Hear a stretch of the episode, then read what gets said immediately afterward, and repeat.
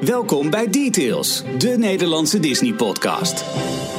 Welkom, aflevering 68 van Details, de Nederlandse Disney-podcast. Eh, is nu nou ja, live op YouTube en als je dit later terug hoort niet meer, maar dat is logisch. Ik begin nu al te raaskallen, ik vind dit zo awkward. Zullen we gewoon even doen... Hallo Breda. Hey. Ja, we zijn, eh, we zijn op locatie. Eh, Ralf, waar zijn we precies? We zijn in Breda bij de NHTV Academy for Leisure. En dan zitten we bij de specialisatie Attractions en Theme Park Management. En als jullie klaar zijn, kunnen jullie ook nog doorstuderen voor Imagineer. Dat heb ik net van, van Alice, ho- hoofd Alice ge- geleerd. Eh, nou, dank, leuk dat we hier mogen zijn. Ehm, uitnodiging gekregen om één keer een podcast op locatie te maken. En dat is voor ons heel Nou ja, spannend, maar we gaan het gewoon doen. Ja, we hebben natuurlijk wel vaker al een podcast op locatie gedaan. Eh Jorn en ik hebben een keer op een terrasje gezeten in eh, Disney Springs in Orlando. Om gewoon te praten over... eh, leuk hè, hier. en dat hebben we ook gedaan in Parijs. Leuk hè, hier. Dus voor jou de eerste keer op locatie, dat is het. Hoe voelt het nou, Ralf? Nee, want ik heb, ik heb vorig jaar in Orlando... Ja, in heb ik eentje. al mijn, al mijn- nou, dat was eigenlijk nog veel leuker. Oh, sorry. Ja. nou, dit eh, gaat lekker. Maar het is wel voor het eerst dat we met publiek dit doen. Want eh, ik weet niet hoe jouw ervaring was. publiek. Ja, dat, toen we op Main Street zaten, was, het, was het publiek, maar ik keek echt... Wat doen, wat doen die eh, nerds daar met die microfoon op het, bij de In tafel? die auto continu. Ja. Eh, ja, dit zijn dus mensen die later ook daadwerkelijk iets gaan doen. Eigenlijk willen we nu al gewoon al jullie visitekaartjes. Zodat als we later de, geruchten willen Oh. weten over wat, eh, wat er gaat gebeuren in de parken. Dat we, ja, maar jullie waren bij aflevering 68. We willen al jullie... eh, dus dat, bel ons heel eventjes in, Jorn. Dan kunnen we heel eventjes ook op de chat. Want die is ook weer open. We zijn dus live op YouTube. Hallo YouTube. Eh, ik zie eh, Tim, Geert, Rosella, Shawnee, G.J. Kooijman, Karsten, Ingrid, Martijn, Rita, eh, Dustin, Daphne, Arnoud. Nou, de, de usual suspects. Jorn, ik laat nu heel eventjes het publiek zien. En dat kan ik dan ook weer laten zien aan... Hop. De mensen die mee te kijken. Nou, zwaai eventjes, dan ziet iedereen jullie. Mag ik even geluid, want het is ook audio natuurlijk. nou ja, dat. Hij mag, er, eh, hij mag eruit. In eerste instantie gaan we dus ook gewoon een normale aflevering eh, doen van details. Dus we gaan het dus gewoon hebben over de, de nieuwtjes van deze week uit de diverse parken. Wat ik wel heel tof vind nu al, Ralf, is dat jij een PowerPoint hebt voorbereid. Echt hè, oldschool. Ja. ik hoop dat je het doet. Ja. En ehm, eh, als er wat is, zullen we gewoon even één keer testen of het ook echt werkt. Wie durft alvast de interruptiemicrofoon eventjes eh, te testen? Nou, Gewoon met, met, met, een vraag, maakt niet ja. uit. Davy. Kennen we. Kijk, Ja, dat ben ik, ja. Hey. hallo, wie ben jij? Ik ben Davy. Ik eh, heb een aantal weken geleden met jullie eh, zitten kletsen. Klopt. Oh, ja. We, hebben, we hebben het eh, allemaal weggedrukt. Je merkt het. Door drawn a blank. Nee, Nee, geitje. Dat, eh, want jij hebt in Orlando al, ehm, nou ja, Ja, ik zie hier meerdere gezichten die hier eh, in Orlando hebben gezeten. Een aantal die er naartoe willen, volgens mij. dat zijn wij. Ja.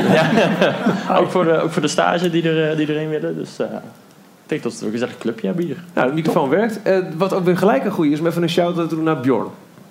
Zeker. Eh, Bjorn is ons geluidsman. Ehm, die kunnen de mensen op YouTube niet zien, maar die zit achter jullie. En die, bent een geluidsman, hè? precies, Ja. die zorgt ervoor dat, eh, dat we ook te horen zijn. Dus eh, dankjewel uh, Bjorn, nu al. Goed. Nou, dankjewel, dat was hem. Tot zover. Vergeet niet te abonneren. Duimpje. Nee? Oh.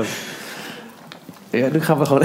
Gaan we beginnen? We gaan Normaal, met, we normaal gesproken zitten we gewoon in onze onderbroek een beetje thuis. Tenminste, Ja. ik wel. ja, weet ik. Maar Jorn en ik zitten heel beschaafd erbij. Dat is helemaal niet erg. Maar voelt, ik, ik voel het heel... Ik, ik, het zweet staat blank op mijn rug. Het, het voelt heel, heel raar om nu gewoon ons, ons rondje nieuws te gaan doen. Met- Jorn en ik hebben wat vinden, meer... jullie, vinden jullie het raar? Of eh, ben ik de echt de enige? Ja, Oké, top. Nou, laten we maar beginnen. Want ehm, er is heel veel nieuws uit nou, Orlando. Ehm, eh, dat, dat lieftallige pittoreske plaatje viel eventjes. ja. eh, over IP-code. ja. Ehm, Dat is een grapje, moet je even uitleggen.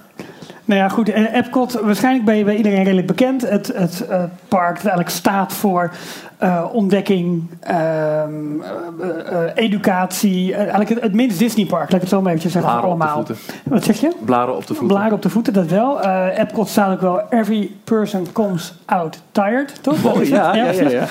En er is nog wel wat rumoer, want er worden allerlei plannen op dit moment worden er, de wereld in geslingerd om steeds meer IP zeg maar, aan Epcot toe te voegen. Dus steeds meer characters eigenlijk. Dus bekende Disney-merken uit de Disney-franchise.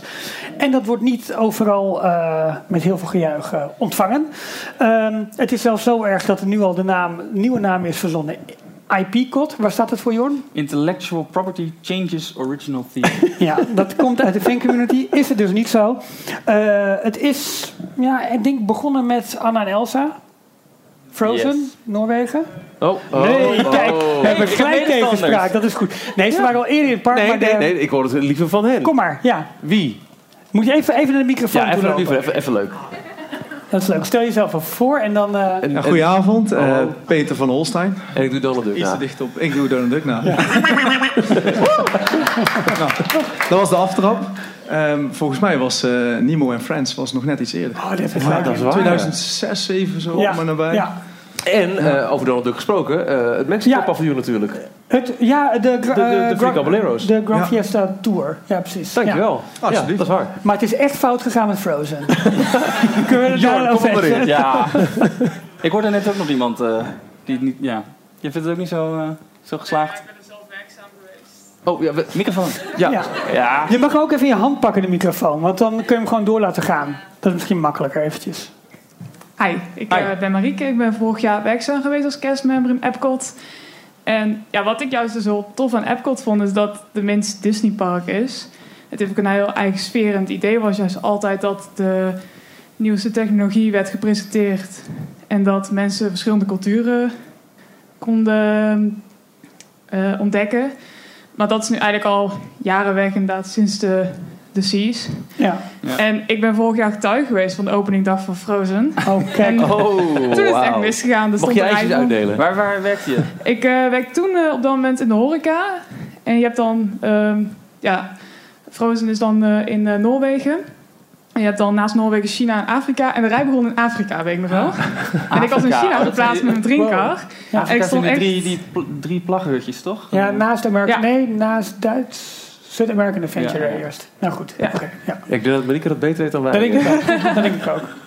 Maar ja, ik stond echt met verbazing en enige afgrijzing echt toe te kijken van... hoe kunnen mensen zichzelf aandoen om zes uur lang in 40 graden te wachten voor zo'n attractie. Ik ben er zelf Ja. in geweest, ik vond hem ook echt top.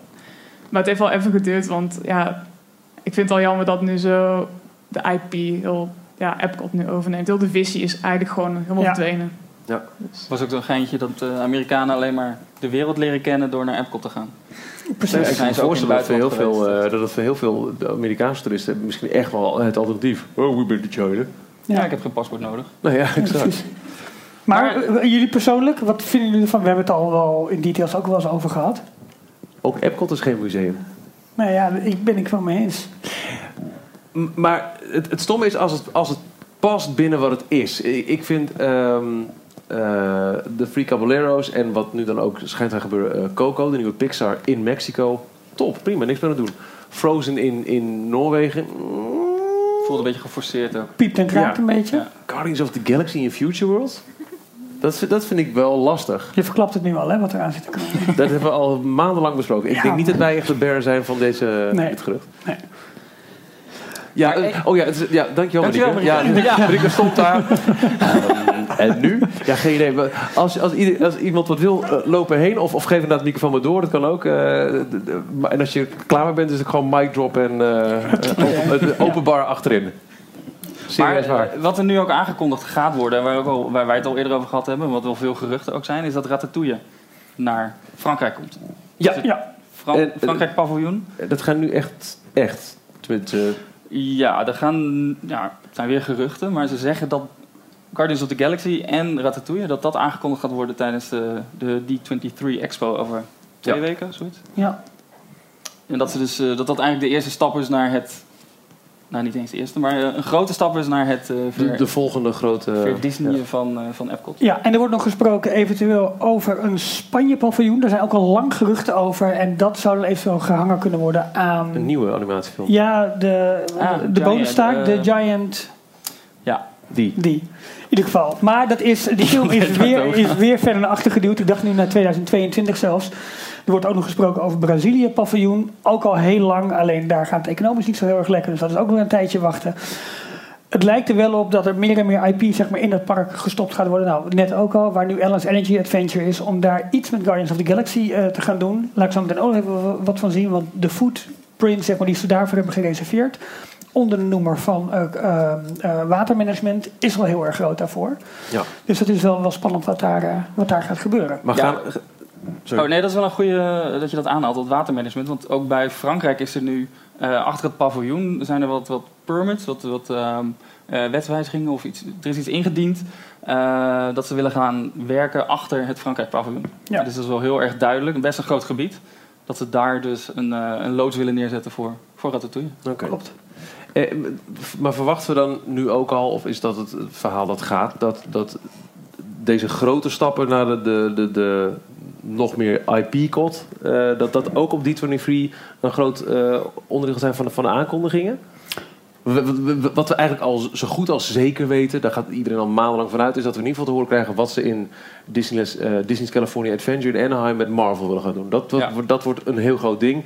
Er komt een heel Star Wars Land paviljoen, dus daar zullen ook ongetwijfeld nieuwe details bekend worden gemaakt. Maar moeten we dan ook rekening gehouden met, met ehm, de grote Epcot aankondiging? Nou, dat is al een, een beetje al wel gedaan, maar vaag nog, hè? Een tijdlijn van Ja, eh, we, Epcot we- gaat we gaan veranderen. het opnieuw uitvinden, we gaan het eh, groot aanpakken, maar wordt dit een headline? Ik, ik denk dat ze echt alles op Star Wars gaan Ik denk gooien. het ook. Ja. En, en Marvel. En misschien ook Marvel wel voor Parijs. Hoop ik. Nou, er komt een, eh, een Walt Disney Parks and Resorts presentatie. Een soort grote Zaterdag, keynote, wat, wat, eh, wat Apple ook ieder jaar doet als ze een nieuwe iPhone uitkon- eh, aankondigen. En daar gaan ze dus bespreken wat er in de, alle resorts ter wereld gebouwd gaat worden. Waar hopelijk Parijs nu ook Maar er is nog, nu nog geen bij eh, eh, onderverdeling van. Nee. Nee, nee, het staat alleen eh, Parks and Resorts. Ja, want Dat het is- programma is net bekendgemaakt, hè? ja, ja, vandaag. is de officiële planning, dus het schema van de verschillende Zijn er überhaupt mensen die er hebben. naartoe gaan? Die naar Anaheim gaan de komende twee, drie weken? Die iemand aanwezig waar we het over hebben, Dat is ook zo lullig. Ja. Maar de Nou, maar D23 ja. Expo kennen jullie wel. Per student, inderdaad. Wat denk je zelf? De D23 Expo, dat eh, zeggen jullie wel, want dat kennen jullie wel. Ja. Oh, heel goed. Sorry. We zijn, we zijn onder, onder lotgenoten. We beginnen we Ja, dat ook weer steeds te Ja, ja. dagen nu. We zijn dus toch niet de enige die... Nee, eh, nee. Ehm, ja, er zijn eh, iets van vier podia eh, in drie dagen tijd. Vrijdag, zaterdag, zondag. Eh, en het pro- eh, het programma is nu bekendgemaakt. Het begint met eh, de Legends Award Ceremony. Dus de, daar was ook al volgens mij bekendgemaat wie daar Oprah Winfrey, toch? genomineerd voor waren. Ja, een Nee, aantal hele nee, dat was nog suffer. Dat was heel, heel su- Ja, Eh, eh, Whoopi Princess Goldberg. Leia sowieso. Was het niet Whoopi, Whoopi? Goldberg? Want die zat ooit in, eh, in Superstar Limo. Die kreeg een... eh, die kreeg Ja, een eh, ja. Nou ja, eh, ja. dat. Maar ook ehm, eh, van Marvel, hoe heet die? De geestelijk vader. Oh, Stan Lee. Stan Lee ook. Ja. Ja. Ja. Stan Lee.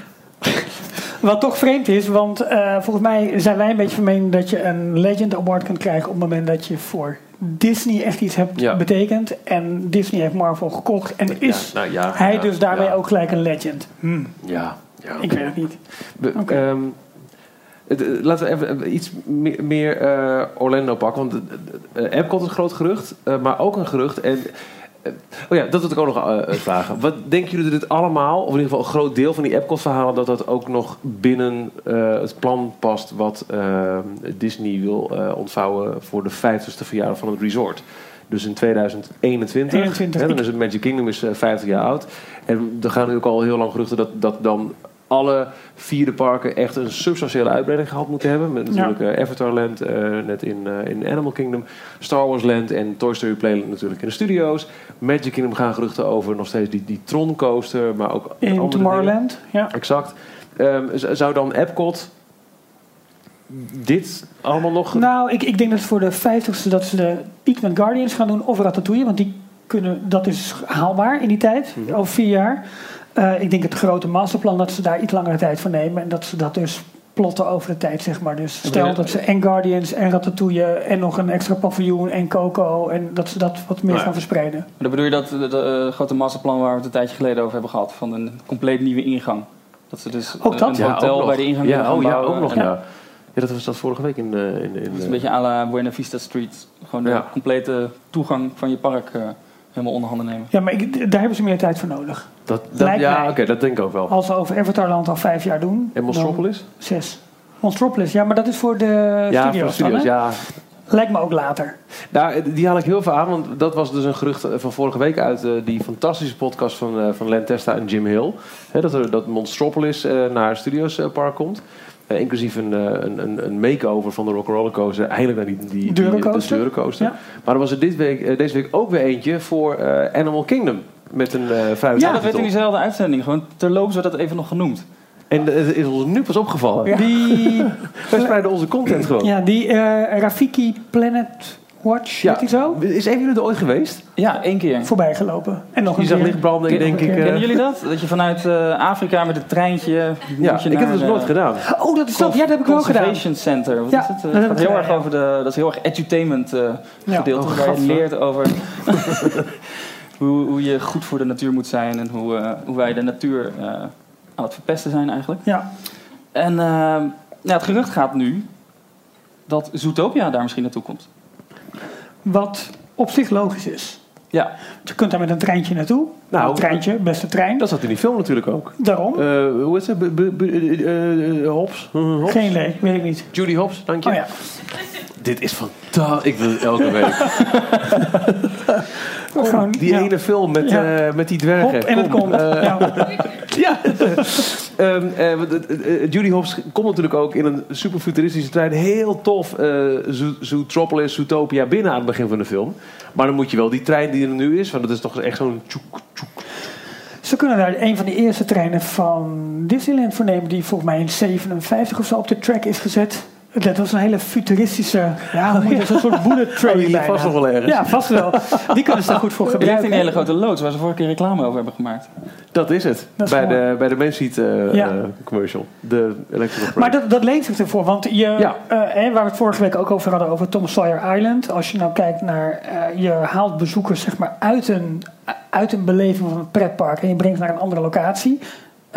Eh, op de raft. En als je het in Harry Potter bekijkt, van het ene park naar het andere ja, park met de ook trein. met de trein. Hè, je haalt ze echt uit de beleving en zet ze in een nieuwe wereld neer. Kan je dat hier perfect doen. En eh, wat ze daar op locatie hebben zijn wat, wat aaiboerderijen volgens mij. Waar je een varkentje kan aaien en achter een eend aan kan lopen of zo.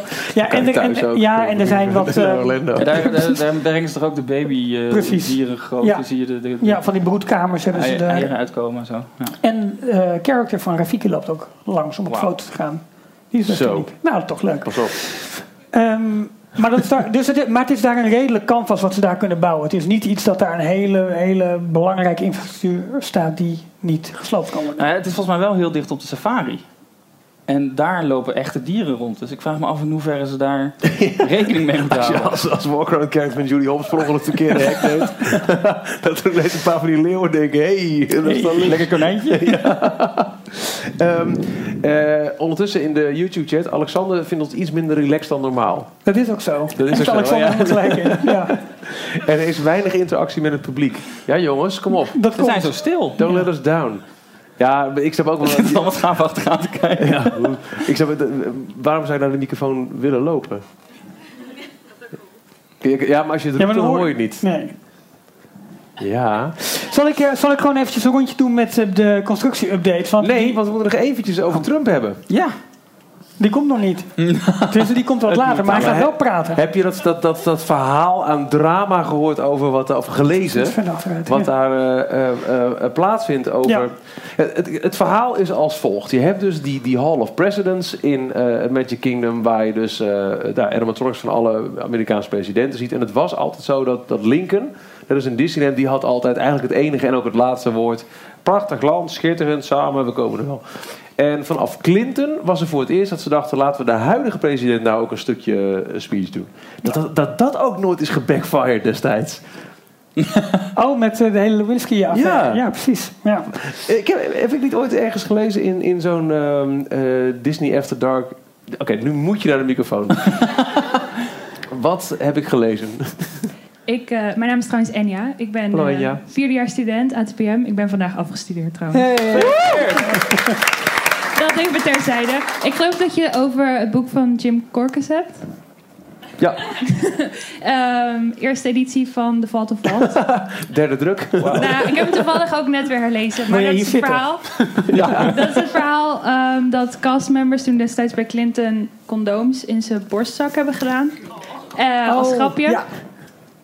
En dat ze toen ehm, dus eh, alle zakken hebben moeten dichtnaaien, zodat castmembers dat niet meer konden doen. Dat, is, dat heb ik gelezen. Ja, mooi. mooi. Wat, Dankjewel. wat, nu je bent af, even misschien nu je bent afgestudeerd, wat ga je nu doen? Ik ga stage lopen bij Disney Parks and Resorts in Hoofddorp. Oh, wat leuk. Cool. Ja. Nou, dan hebben we ongetwijfeld nog eens contact binnenkort. Ja, ja, nee, daar, daar hebben we regelmatig contact. Ja, en, en, en, en wat ga je precies doen? Weet marketing en PR. dan? Oké, dan Dus, eh, spreken we elkaar. Ik hoor je.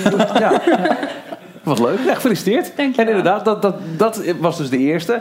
En sindsdien zijn alle presidenten eh, die daarna zijn gekomen... hebben ook ehm, een, eh, een, een stuk speech gedaan. Dat hebben ze ook Ja. gewoon zelf opgenomen. Dat ging altijd eh, Ja. gewoon eigenlijk nou, in samenspraak met Disney. Disney leverde een speech aan. Die, Ja, de tekst werd geschreven door Disney, door Imagineers. En dan Ja. de president eh, was een afstemming wel met het, eh, het press office van, van de president. Maar die, eh, die zijn er allemaal mee akkoord gegaan. Zowel republikeins als do, eh, Dominicaans. Democratisch. vakantie toe, hoor. Democraten als, als de Republikeinen. Ehm, eh, dus zelfs eh, George Bush eh, junior die heeft het gewoon zonder mokken gedaan. En het, het- was ook namelijk ook nul politiek aan Ja. verbonden. Hè? Ja, het was altijd heel erg onpartijdig. heel Heel, erg, in het midden, de, een neutraal stukje. Maar dan wel dat de echte president afsloot. En nu is het al maanden wachten op wat gaat Disney doen met Trump en krijgt die tekst. Ehm, onder andere omdat het gewoon een heel erg controversiële president is natuurlijk. Eh, en er was dit weekend een, eh, de- deze week een heel mooi stuk op, eh, op Vice. Dit, dit, gaat, dit, dit gaat veel verder dan, dan de, de theme park geeks. En die hadden helemaal dat drama een beetje uitgestippeld. dat het al- Ja. allereerst al de, de Trump administration zei... wij willen helemaal niet dat Disney een tekst levert. Wij maken wel een tekst en u hoort nog van ons. Ja. Nou, Dat, die- al ja. vanaf januari loopt dat, hè, volgens Ja. mij. En er is, er is nog steeds niks. En Disney is nu op eh, bang dat op een gegeven moment eh, Trump gaat twitteren. Over bijvoorbeeld ehm, eh, Disney weigert mee te Ja, werken en boycott. boycott Nou ja, Disney en ik kan me voorstellen dat, dat, een, eh, dat daar heel veel Zeker in Florida. ja, potentieel publiek zit. Hun, hun Ja. staat. Dus Ja. die, die zijn bang voor een PR-nachtmerrie. En ondertussen is er nog steeds niks. En dat ding zou nu open moeten gaan, die attractie. Ja, 4 jullie- juli wilden ze Ja. het volgens mij doen. Dus eh Maar- onafhankelijkheidsdag. Of hij dan wel of niet nu een tekst heeft en wat die tekst dan is, dat is nog steeds één groot Nou, ze zijn volgens mij wel één stap verder dat eh, inmiddels eh press office mee wil werken, maar die, die bepalen dus de tekst. Dus dat is al één stap verder dan wat ze oorspronkelijk dachten.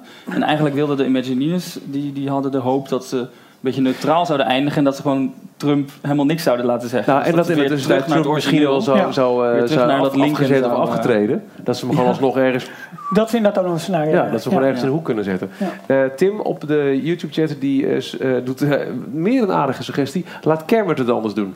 Top. Nou, je zit nu al in een, in een venstertje erboven, dus één vliegje naar beneden. Eén trap naar beneden. Dat was een keer een kleine moeite. Ja. Nou, dat waren dan de Orlando eh, dingen die niks te maken hebben met verticaal gaan. Moeten wij uitleggen aan het publiek wat eh, verticaal gaan betekent voor Ralf? Nee. Nee, zegt hij. Nou, ehm, Ralf heeft een PowerPoint. eh. Ralf gaat heel erg hard op, Ja, echt hard. ja, op constructie-updates. Elke ehm eh, mout, eh, bout of moer, dat ging nog wel net goed, eh, die in een eh, staalconstructie wordt geramd, dan denkt Ralf weer, er is weer wat nieuws. En dan is het hashtag Ralf gaat verticaal. Ralf heeft een presentatie Die hebben we overigens niet zelf bedacht, hè, Michiel? Nee, zeker niet. We hebben onze eigen hashtags ook. hashtag Dolwip en hashtag De Bezorgde Visser. En hashtag ehm, Lief Ja. Anna en Elsa Alone. Ja. Ehm, Ralf, waar gaan we naar kijken? Nou, we gaan naar wat, wat, ja, wat constructie-updates En kijken. omschrijf het, het is ook audio. Dat ga We ik proberen. Over wat er op dit moment in Florida en Anaheim aan de gang is. Want daar wordt Star Wars Land gebouwd. Daar wordt Toy Story Playland gebouwd. En dat zijn wel uitbreidingen die niet alleen in attractieaanbod wat gaan betekenen. Maar ook in, in, in de bezoekersbeleving. En dat is waar het zo ontzettend interessant wordt. Helemaal om hier met jullie ook over te praten. Dus ik wil ook zo meteen even de interactie even opzoeken. Van joh, wat vinden jullie ervan? Wat, wat betekent dat als je zo meteen door het landschap van Star Wars kan lopen? Of als je door Andy's achtertuin kan lopen of dat soort dingen.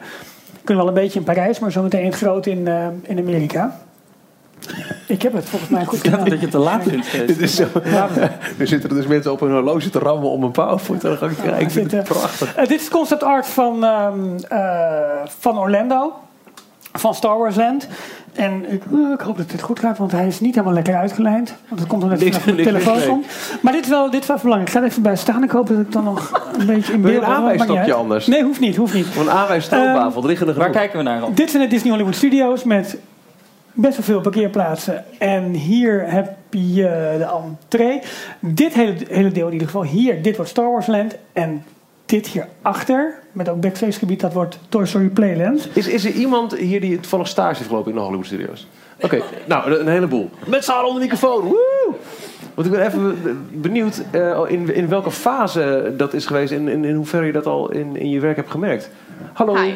Hi. Ik ben Lana, ik ben Hey, een derde jaar en ik heb stage gelopen in Hollywood Studios, Merchandise and Operations. En ik was ook toen ze zeg maar, het achterdeel eh, Streets of America sloten. En dat zorgde eerst voor heel veel verwarring. Ja. er kwamen mensen met oude maps, oude plattegronden. Die Eh, nemen ze mee van huis? ja, vooral bijvoorbeeld uit Mexico. Dan gaan ze naar een reisbureau. En een reisbureau heeft nog oude Oh, plattegronden. Dus dan komen ze vragen, waar zijn de paar Streets of America? Mexicanen. Ja. Ja, dus het zorgde voor heel veel verwarring. Het park werd heel klein daardoor. Ja, Ja, heel veel mensen vonden het echt eh, ja, tegenvallen. En eh, die verwachten er eigenlijk veel meer van. Ehm, alsnog, ze hebben veel geprobeerd met meer entertainment. Eh, de nieuwe Star Wars fireworks waren echt een van de beste. Dus ja, ze probeerden het wel een beetje op te leuken. Maar toch eh, kreeg je van veel eh, gasten ja, te horen dat het wel eh, tegenviel. ehm, voor echt een hele dag daar rond te lopen. Ben jij, Ja. ben jij fan van Star Wars? Ehm, voordat ik stage ging lopen had ik nog nooit een Star Wars film gezien. Oh. Behalve de, de echte nieuwste toen op dat moment. The Force Awakens was het volgens mij. Ehm, maar toen ik daar begon te werken, toen eh, zag ik Ja, je wel... kon niet anders. Nee, Het hele park, het halve park was, was nee, nee tijdens het vuurwerk was het spelen met eh, lightsabers. En eh, toen dacht ik wel van, oh, dit eh, heeft wel iets. En toen daarna, na stage ben ik al films gaan kijken. En nu eh, ben ik ook wel eh, fan geworden. Oké, ja. nou top. Ehm, ja, nee, maar het is toch geweldig. Ja, maar dat is, dat is nog... Oh, nou, nee, je staat hier voor Ja, niks. kom maar. Ja. Hallo. Hoi, ik ben Jasper, eh reeds afgestudeerd. En eh, ik ben het jaar eh, voor Lana. Hey! Ehm, ehm, al mijn oude locaties zijn zowat eh gesloopt. Want ik werkte in eh, het gedeelte waar alles stond. Brave voor Jasper. Dus daar ergens... eh, Dus ja, ik werkte bij Studio Catering Company. Dat was het Oh ja. restaurant bij eh, de oude backlot, die ook Ja. reeds is weggehaald. Ja. Eh, en bij ons was het vooral, ja, het ging zijn gangetje, maar de geruchten gingen wel goed rond. En de bezoekers vroegen dus elke keer van, dat Star Wars Land, komt het eraan? En dat, dat Toy Story Land was een beetje, dat boeide niemand zo, daar waren Nee. ook geruchten over. Maar echt, Star Wars Land, dat eh, ging ook backstage de ronde. En eh, vooral, ja, we wisten zelf, was nog niet officieel aangekondigd, maar iedereen bij de personeel wist wel dat het Ja, zou hoe, hoe, hoe werkt dat? Want op een gegeven moment... de- de- jullie zijn ook gewoon liefhebbers. Dus jullie zitten ook op al die fora. Jullie hebben waarschijnlijk allemaal een theme park Ja. account. En allemaal, weet, weet ik veel. Zo, niet? Oh. Ja, dat is een beetje moeilijk, want je moet je mond niet voorbij praten. Want je bent Nee. nog steeds een castmember en je mag niet die geruchten Exact. bevestigen. Maar, maar je lezen en, en je bent ook gewoon als liefhebber op, oprecht, denk ik altijd zo van... Wow, zouden ze Ja, echt tuurlijk. dat? Eh, op welk punt krijg je... eh, dat- Het is dus voordat je het officieel hoort, neem je al aan... Nou, dit zal wel, dit gaat al Mhm. zo lang. En dan moet je alsnog naar gasten toe. ja, mooi weer de indruk geven. Ja, precies. Dat het, eh, ja, we kunnen niks bevestigen. We hopen dat het er komt. We hebben ook die geruchten gelezen, maar ja... Wij moeten ons mondje houden. En ook al wist het grootste deel van het personeel dat het wel kwam. Want het werd in de directie en bij het management van Hollywood Studios wel besproken. En we kregen het ook via onze manager van... Let maar op, eind dit jaar, D21. Dan... eh, Oh, dat, Ja, dat, dat, dat ja, wordt wel een beetje zo al- doorgeven. Ja. nog even. We hoorden het wel op de vloer natuurlijk. Maar je moet je mond natuurlijk gewoon houden. Want je mag zulke dingen niet uitleggen. En dan, Ja. dan ben jij waarschijnlijk op een gegeven moment... eh, misschien wel een keer zo'n bron op zo'n forum. Ja, ik sprak een uh, castmember. en eh, Ja, die zei die, dat... eh, ja, precies. Hier zit hij gewoon. Dat is hem, hè? Ja. De neef van mijn kapper, die werkt... Iemand die werkt... Maar Die eh, levert bloemen aan Parijs. Die denkt dus dat er eh, het park in Saint zal eh, verdubbelen. er ging toch ook heel lang een gerucht dat, eh, dat Carsland misschien naar de studio zouden komen? Eh, ja, maar dat, was, ja, dat was heel, werd heel snel onderuit gehaald vanwege testtrack dat er al was. Dus er zou Ja. testtrack een beetje wegvallen bij Epcot. En dan zouden ze weer een e-ticket minder hebben. Omdat Ja. Carsland dan die Wie heeft er een stemstage gelopen in een park en heeft een gerucht dat wij nog niet kennen? En wil, en, oh. en wil het anoniem delen, doen wij onze ogen Ja. Niemand? Nee? Oké. Komt zo wel. Ja, dankjewel Jasper. Ehm, wat interessant hier is, is dit, dit wordt zeg maar het Star Wars Land gebied. Dit is echt enorm groot. Dit wordt Toy Story Playland. Dat is leuk, dat is volgend jaar klaar. Dan kun je van in een achtbaantje. Nee, maar het wordt ook mooi gethematiseerd. Maar wat, wat interessant is, is dat de ingang eh, naar dit gebied gaat waarschijnlijk hier plaatsvinden naast eh de Great Movie Ride. Wat je hier ziet met hier het hele showbuilding. Dat goed? Ik, ik zie jou zo genieten. Ja, nou, dit is ik toch zo fantastisch? mooi. Nee, maar eh, hier zit Toy Story Midway Mania in. Hier komt de Great Mickey Ride. Toch? Denken we, hopen we. Ehm, maar dit is, dit is echt groot. En dit gaat nu behoorlijk hard verticaal. Ehm, als het goed is. ja, het- ik vind het fantastisch, maar dit is de enige manier waarop het nu kan. Dus het is echt techniek omdat het moet. Dat zei. Het is wel Ja. mooi, je zit hier ook bovenin. Net boven, eh, voordat hij doorgaat. Als hij, Jammer, Ah. te laat. Nee, dat maakt niet uit. Maar je zag eh, Muppets Courtyard nog. En daar hebben we het vorige week ook nog even kort over gehad. Want daar blijkt toch nog wat meer eh, gebouwd te worden. Het wordt iets uitgebreid. Er zijn weer. een aantal façades van de, van de oude Streets of America, die staan er Hier. nog. Ja, dat stukje. Ja. En waarschijnlijk gaan ze dus de Muppets eh, toch wel iets meer aandacht geven. Omdat dat ook een van de franchises is die ze op hebben gekocht. En eh, Ik daar hoorde jullie toch wel eh, mee. vorige week, eh, want ik, ik kon er niet meedoen, ik hoorde jullie praten in, eh, in Detail 67 over dat, eh dat, dat Pizzerizzo restaurant. En dat het eh, in het allereerste concept ook al een pizza-restaurant zou moeten zijn. Maar dat, ik, ik las er toevallig van de week ergens een artikel over, over hoe de Muppets echt heel groot aanwezig zouden zijn geweest in, eh, in de Hollywood Studios. Toen nog MGM Studios. En dat in dat pizza-restaurant was het een, een, ehm, een eh, restaurant van die Rizzo en The Great Gonzo. En dat je ook allemaal visuele gags zou hebben. Dat terwijl je het eten bent, dat er om de havenklap nog grote explosies komen uit de keuken. Met ook kippenveren die dan eh, rond zouden vliegen. Ja, dat is die Mama's Melrose uiteindelijk geworden. Oh ja, en, dat en, en ratten animatronics die eh, je, je pizza eh, via een soort van eh conveyor belt. Ja, top. Sorry. ja, nou ja, Hier, wie, wie dit is weet. ook nog wel opvallend. Ze zijn Nou ja, hier heel veel bos aan het weghalen. Dank, je maait het gras van mijn voeten weg. Maar dit is interessant wat hier gaat, eh, wat hier gaat gebeuren. Nou, dan gaan we eraf. Want, want ze hebben natuurlijk een klein beetje parkeerruimte nodig. Dat eh bruine gebied wat je net zag, dat zit hier. Dit is nu de huidige ingang. Vanaf World Drive ga je hier de, de betaalpoortjes door om hier vervolgens te parkeren. Maar is dat hier die filmstrip? Waar je dan langs rijdt? ja, die, Ja, staat, daar de- nou, die staat hier, Daar al, hier al ergens. Staat het hier, moet je een afslag van nemen. Daarboven, ergens. Ja, hier ergens in het midden. Of hier, Ah, denk ik, ik. vond het, oh, ik word er zo blij van. Als je daar dan rijdt en dan ziet voor de eerst die borden weer. Ja, dat is Oh, fantastisch. Maar wat ze dus gaan doen, is dat ze ehm, de parking vanaf deze kant gaan aanvliegen. En hier dus de parkeerplaats gaan uitbreiden. Dat zag je daar net. En dat zie je, als het goed is, hier. Kijk, dit is dat parkeerplaatsuitbreiding. Dit wordt de nieuwe toegangsweg. Moet je eens kijken hoe ontzettend groot dat wordt. Maar dit is dus ook de locatie waar ze misschien het nieuwe Ja. hotel gaan bouwen. Het nieuwe Star Wars Hotel. En dat wordt dus een, eh, een ervaring waar je incheckt op dag 1. Je gaat dan zeg maar je Star Wars Journey in. Dat duurt waarschijnlijk twee dagen. Met eventueel een bezoek nog aan Star Wars Land. Dat dus hier gelijk naast ligt. Ehm, maar wat dit betekent qua infrastructuur, qua parkmanagement. Nou daar weten jullie waarschijnlijk veel meer van. Dus, dus kom alsjeblieft ook met, met je gedachten erover. Dat, dat vind ik echt mateloos eh, interessant hoe, hoe dit zo meteen gaat lopen. Dit moet dus in 2019 open. Dus over twee jaar. Redelijk wat werk nog, nog te doen. Maar de, ja, je ziet het op de, op de vorige die ik had, ziet het iets beter. Hoe ontzettend veel ruimte ze hiervoor gaan reserveren. Nou, dat hotel valt qua footprint waarschijnlijk nog wel mee. Ze gaan in het begin uit van 400 kamers. Wordt misschien nog ietsje, ietsje groter. Ehm, maar ja, wat, wat gaat dit betekenen? Hieronder komt ook nog iets volgens mij. Daar komt eh, de, de kabelbaan.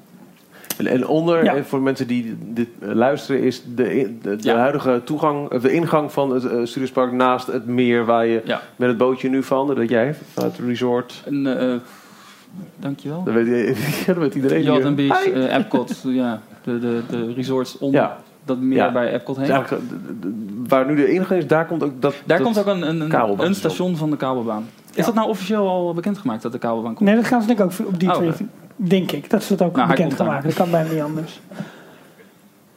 Ja, de Eh, vergunningen zijn inderdaad. eh, Nou, welke natuurlijk ook ja. interessant is, is dit is zeg maar de, eh, de blauwdruk van wat is eh, ingeleverd of een beetje Dit is Epcot. getekend Epcot voor het hele Guardians of the Galaxy verhaal. Dit is Alice Energy Adventure. Dit zijn nu de waterpartijen, eh ponds. En, eh, Oh, hier is de ingang. Oh ja. ja, inderdaad. precies. En de, de vergunning is aangevraagd om hier dus iets mee te gaan doen. Om, het water, om, die, om die waterreservoirs om te gaan leggen. Maar moet je eens kijken wat een enorm gebied dit is. Nou, daar kun je wel een aardig is joh. kwijt. Dat is, dat is ongeveer ons Ehm, Studiospark. Precies. Ja, maar dat is, echt, dat is niet normaal wat hier gaat gebeuren. En ze laten de World of Motion laten ze dus voorlopig nog buiten beschouwing, lijkt het.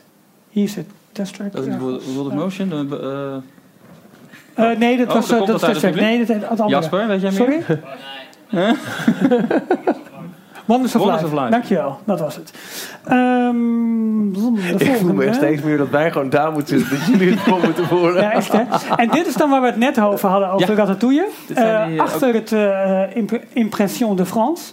Eh, een enorm Die er blijft dus bl- blijkbaar. Ja, Ze gaan er omheen bouwen. Precies. En wat nu ook wordt gesuggereerd is dat deze enorme ruimte niet alleen gebruikt gaat worden voor een showbuilding van Ratatouille, maar dat hier misschien ook eens het eh gondelsysteem eh, kan gaan landen. In plaats van iets meer noordelijk, echt Oh. hier tussen Engeland en. Hè? eh. Dus dat ze hier misschien gaan. Maar dat is een, een gerucht ook. Wie weet. Dus dat zal, dat, zal, dat zal op één plek dus twee dingen kunnen zijn. Oh, oké. Ik ga eventjes door naar Californië, want daar. Wat vinden jullie van Ratatouille eh, naar Epcot eigenlijk? Vinden jullie van Ratatouille in, in Parijs?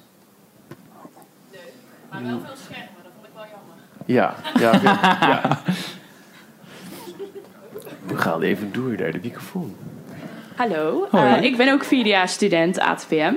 En heet ja, je? ik vond. En eh, oh, en ik heet Pascal, sorry. Hallo, Pascal.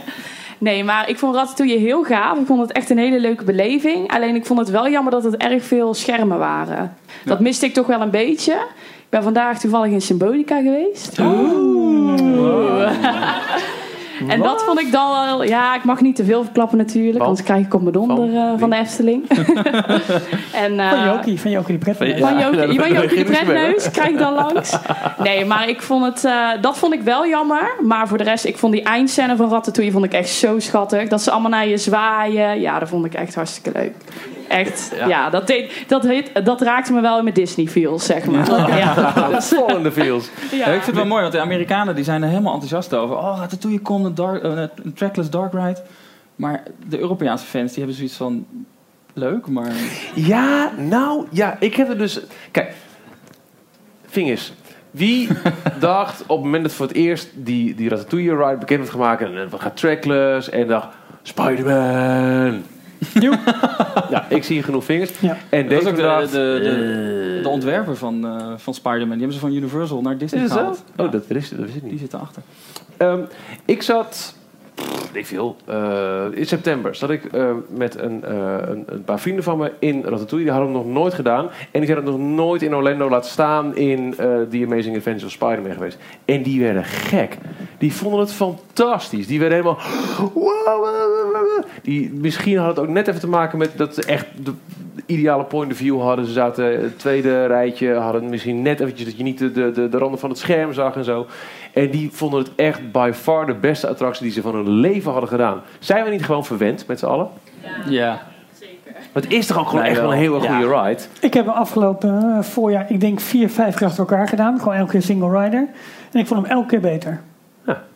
Je gaat, op- je gaat op details letten. En ik heb Spider-Man ook gedaan, maar ik vond hem echt van hoog niveau. Ik vond hem fantastisch. En wat, jij, wat Pascal ook zegt, de, de laatste scène waar ze uitzwaaien. En Ja, je, kan hem, Fantastisch. je mag hem niet vergelijken met Spider-Man. Nee. Dat is- Nee. Het, het publiek is ook heel anders. Het is echt een familieattractie. Ja, en ik vind Spider-Man eh, is veel meer voor tieners. En, bij. Ik vind juist die, die, eh, die scène, als je eh, door de spouwmuren gaat, Ja. die, is, die is zo effectief. Want dat denk je echt, oh, beweegt echt heel erg snel. ja, Terwijl het, het, het, het is qua techniek zo slim gedaan. Het, het- ik, ik vind het echt een heel goede ride. Het is niet wat we hadden gehoopt misschien. Die, die, die game changer en, en die... Nee. Maar het heeft wel Ja. Het beste teaming of stukje geteamde land van, van de studio's eh, Ja. opgeleverd. Dus, eh, Dat was niet zo Ja. heel moeilijk. Nee. nee, dat is niet heel moeilijk. Maar je bent- als je daar loopt, Ging het publiek in koor. Ja, maar als je daar loopt, dan, dan... Mijn eerste reactie was, ben ik in de studio's? Waar ben ik? Wat is dit? Dit is Ja, oh en te mooi ook, eigenlijk. eh, dat, voor- eh, JDLP'er zegt op de chat, eh, de scène met de hand. Als Ja. Skinner Oh, met zijn hand ja. door de muur heen gaat. Ja. Dat vindt mijn zoontje ook doodeng. Daarom wil hij nooit... eh, papa, ik doe was mijn ogen open als de hand is geweest. dat is heel lief. ja. Dit is ehm, even een, Oh ja. een fantekening puur nog van Orlando. Hoe het kan, kan worden. Met hier de Battle Escape attractie. Daar de Millennium Falcon attractie. Hier die kantina. je die, die, die kleuren, markt. Ja, best wel ja. Het is best goed gelukt toch? Ja, Hier inderdaad een nieuwe ingang naar, eh, naar eh, Toy Story Playland.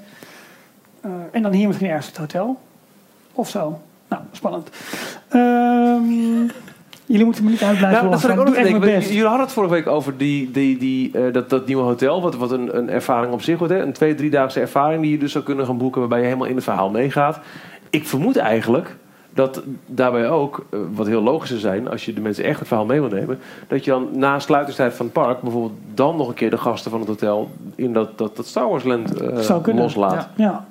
Dat, dus, dus die- dat je echt nog een keer ja, exclusive ride time voor een Ja, land al, al erbij vraag me wel of tot de laatste wat gaan doen. Want je ziet het nu al dat ze extra magic hours hebben in Animal Kingdom voor eh, Pandora. Ja, maar, dat Maar dat is duurt al- zeker aan het begin, hè? Ja, precies. Maar dat duurt nu al tot één uur s'nachts of zo op bepaalde dagen. Dus dat is al, al best, wel, best wel laat best wel lang. Dus ik weet niet wat ze hier gaan doen. Want dit zal ongetwijfeld ook een, een nacht-equivalent om drie krijgen. uur s'nachts is misschien wat lastig eh, te maken. Wij hebben toen gedaan in, eh, in Parijs die ER, nou het was niet echt een ERT, maar op Big Thunder Mountain. Verkleumd Ja, tijdens Halloween. dat was de- die Halloween, eh sorry, die toen het nog tot één uur duurde. Ja. In 2000, 2000 of 2001. Zoiets. Ja, dat is leuk. Ik viel in slaap in Star Tours en jij in... ja, jij viel ook ergens in slaap. Moet je niet Misschien wel in? Big Thunder Mountain. Ja, we waren gewoon de hele dag... Ja. Dit is een dat, ja. ja. Hey, dit is, ehm, ik laat nu een foto zien van eh, de constructie van Star Wars Land in Anaheim. En dat is helemaal rap gegaan. Want dit was januari. Hmm, ik laat nu een foto zien oh, van... Jammer, toch het is niet klaar. alsof je bij de vakantie die show van je oom op bezoek bent. Ja, maar ja, ik, ik had echt... Oh. Ja, dit is april. Wauw. Met hier onze twee AT-AT vriendjes die hier Die staan. staan nu ook in, in Orlando er al in, hè? Ja, klopt. Eh, en mensen die dit nog niet hebben gezien, kijken even gewoon naar de size. Dit is gewoon twee verdiepingen hoog. Eh, het lijkt er ook op alsof de attractie twee, over twee verdiepingen gaat plaatsvinden met een, met een bepaald transportsysteem tussen begane grond en eerste verdieping. Als het zo wordt tenminste, maar dat wordt wel, eh, dat wordt wel spannend. En dit is waar ze deze week zijn. Je kunt al niet meer het hele land, land overzien. Dit is de Battle Escape attractie. Hierachter komt de Millennium Falcon attractie. En dit is al helemaal vol. Dit was zeg maar die ronde eh, pit die hier was, waarvan ze denken dat het een, ehm, een, het, laatste, het, eh, ja, het opstapstation wordt. En het lijkt bijna op een soort Harry Potter systeem, waarbij een soort arm eh, een bakje vast gaat houden. En de, die arm kan ook heen en weer. En gaat dan waarschijnlijk rijden. Maar of het nou echt zo'n trackless of zo'n ehm, zo'n robotarm wordt, weet ik niet. Want ik weet niet in hoeverre Universal daar nu een patent op heeft. Nadat Disney hem eerst had. Ik weet niet of iemand dat uit het publiek het misschien weet. Er staat me wel eens bij dat, dat, dat eh, Universal dat patent had gekocht toen eh, ze voor Harry Potter bezig ging. Dat het in eerste instantie een, een poos nog in de lucht hing dat Disney dat patent, dat Ja, klopt. wilde gebruiken voor Incredibles. Incredibles. Ja. Klopt. Maar Disney heeft er dus geen gebruik van gemaakt. En Nee, dus kon Universal het overnemen. ja. Dus ik denk dat Maar ja, een patent, je, je, je verplaatst één eh, Waarschijnlijk. aspect en, je Waarschijnlijk. Maar er zijn wat technische tekeningen opgedoken die hierop zouden kunnen duiden. Maar het, is- het is meer bewijs dat je zo'n soort dombouwarmpje hebt. Weet je. wel. Dat, dat lijkt het, die dus hoog, laag kan. En, eh, Maar ja, het is een stuk minder interessant. Een stuk minder interessant. Ik zie er maar niet die Darth Vader in domme bijvoorbeeld. Die er, zal, er, er zal dus een bepaalde transitie moeten komen van zo'n, van zo'n rond laadplatform naar dit gebouw waar die attractie gaat, eh, eh, zich gaat afspelen. Eh, dat, Oh, ja, en, en misschien Parijs. Want Oh, dit, Ja, ja, wat is dat dit? is wel interessant. nou? Wie dit dit is namelijk, eh, weet iemand wat dit is? Een dia. Wat zeg je? Eh, Davy roept uit de zaal de Wereldexpo Nou, Parijs. Davy, de- Davy, Ja. vertel, even in de microfoon. waar, komt, waar komt deze vandaan, Ralf? Dat zeg ik niet. Ik weet dat het een foto is van een wereldexpositie die wellicht in Parijs of in nog een andere stad in de race eh, plaats zou gaan vinden. Dat zou dan wellicht voor het derde park in Parijs eh, kunnen gaan dienen. Klopt. Ja, er zijn in totaal zijn vier steden in de race voor Oh, dat is Expo- leuk Disney, ja. Ja, voor Expo eh, 2025. Onder andere Osaka, Japan. Jekaterinburg en nog een andere Russische stad, dacht ik. Maar in ieder geval Parijs dus ook. En het zou dus kunnen... dit is het voorstel dat Parijs heeft ingediend. Het gaat dan over een... Dit is een officieel voorstel Ja, van de stad Parijs of van Van Frankrijk, volgens het, is, eh, het bid komt van Marne-la-Vallée, Parijs. Marla Vallée lees Disney? Of Ja. Ja, en hoe heet het, eh, eh, het gebied? eh, niet mij. Marne-la-Vallée? Ile-de-France. Nee, wel Marne-la-Vallée, ja. Eh, en wat je, hier zie je Lake Disney inderdaad. Hier zie je... even kijken hoor. Dit is volgens mij... mm, Dat is de tower, eh, links nog ietsje. hier, Dat, hè? Ja, dit Studiospark. Dan ligt hier zeg maar het... Ja. eh, het eh, het Disneyland, Para- Disneyland Park. Dus even voor de mensen die de foto eh, niet zien, want luisteren, dan zou dit, dit eh, gigantische stuk land voor die expo komen achter Sequoia Lodge. Precies. op Ja, achter Sequoia Lodge en, al- Noe- en Newport Bay Club. Ja, het stuk grond wat al aangemerkt is voor ooit een derde park. En dat derde park moeten ze voor 2030 geopend hebben. Precies. Als ze de, de, het contract met de Franse staat, wat ze in Wacht 1987 even, we, we hebben ondertekend een, hebben. een heel mooie geschiedenis Nagaan. van, van Disney parken met, eh, met, eh, met de expo. Ja. Huh? Vul jij? Jezus. It's a small world. Oh. Ehm, nee, dus, de- Walt heeft heel veel attracties ontwikkeld voor de World's Fair van 64 in New York. Eh, wat A, een manier was om goedkoop, want dankzij heel veel sponsorcontracten nieuwe rides te ontwikkelen. Sterker nog, er zijn hele ride systemen uitgehaald waar, waar Pirates op, op gingen draaien later en zo. Eh, en eh, B, het was een goede test voor eh, de Walt Disney Company om te kijken of eh, hun vorm van eh, entertainment, wat ze al op dat moment negen jaar aan het eh, toepassen waren in Anaheim, of het ook voor het als meer sophisticated te boek staande West Coast publiek zou werken. Nou, dat werkte en dat was dus voor hem ook, eh, of voor hen, eh, een heel belangrijke factor om te zeggen: we gaan voor Project X, te weten Walt Disney World in Florida. Ja. Dus we hebben een, een, een, een, een heel rijke historie van Disney en eh Wereld Expo. Parijs heeft op dit moment de handen vol aan, in ieder geval het tweede park. Het eerste park, dat, dat, dat, dat Sparkle, dat, dat staat nu redelijk. Er mag weer een keer een, ride bij. Maar dat, dat, dat zou je nu kunnen verkopen weer als, hey, wauw, top. Het tweede park moet echt van de handen worden genomen. Maar dan zitten we nog steeds met die deadline. De, de hele reden dat, dat het tweede park, het Walt Disney Studios Park, op een gegeven moment geopend moest worden, was omdat het gewoon contractueel is vastgelegd in 87. Eh, De oorspronkelijke deadline was dit jaar, 2017. Ja. Dat was een 30-jarige plan. er moest gewoon een 87 tweede park komen. Dus Ja. daarom moest het maar met, met het geld wat het dan maar was. Dan is het maar veel te weinig. Eh, Het Walt Disney Studios Park worden geopend. En nu volgt dus een, uiteindelijk 2030 als derde van... Dan moet er een derde park. Anders vervalt er een deel van die, eh, dat, de, de, die, de rechten op, op, eh, op, op de grond. En dan zou dan bij wijze van spreken Universal kunnen zeggen... Nou, dan gaan wij er eens een parkje openen. Weet ik niet. Ja, dan nog. Maar Ja, dan, gaat het weer terug naar de Franse staat. ja, ze raken de grond kwijt. Ja. Dus dit zou een heel mooie manier kunnen zijn om A, eh, superveel bezoekers naar ehm, dit gebied te trekken. Want een Wereldexpo, dat is een aardige publiek Trekt, eh, de, de afgelopen Wereld Expo heeft dacht ik 50 miljoen bezoekers getrokken. Nou, Ja. En na afloop nog een keer een gigantische infrastructuur over te houden voor tada. Eh, Want Een derde gate. Het ziet er gewoon ja. uit als Epcot. ja, ja, als je dit ziet, het is een heel groen, groen Epcot. Ja. Ja, maar dat is ook het thema Met een van grote die... eh, eh, sfeer in het midden. precies, je, je ziet ook het thema van alle bid- bidding cities, zeg maar. Dat die allemaal, Star. allemaal eh, groen, natuur, eh, renewable energy, al dat soort dingen als thema zeg maar, hebben. En Parijs dus ook. Maar dit is, het is niet heel spannend hoor. Het komt gewoon van de site van de bid van, eh, van, eh, eh, van Parijs af. Nou, ik vind het heel spannend. Maar het is wel... eh, dit dit is zou mooi. best wel eens eh, de boeken in kunnen gaan als de eerste uh, vrijgegeven concept art voor het derde park van het Disneyland Resort Want dat is voor de wereldtentoonstelling van welk jaar? 2025, Oh. sorry. Nee, ja, 2025. Ja, Zijn we pardon. bekken? Ja, ja, niet de bedoeling, Als jullie Ralf willen interruperen, ga je gang. Maar ik, ehm, ja, wie weet dat hier eh, een nieuwe constructie gaat plaatsvinden voor het derde park in Parijs. Wauw. Tot zover mijn PowerPoint.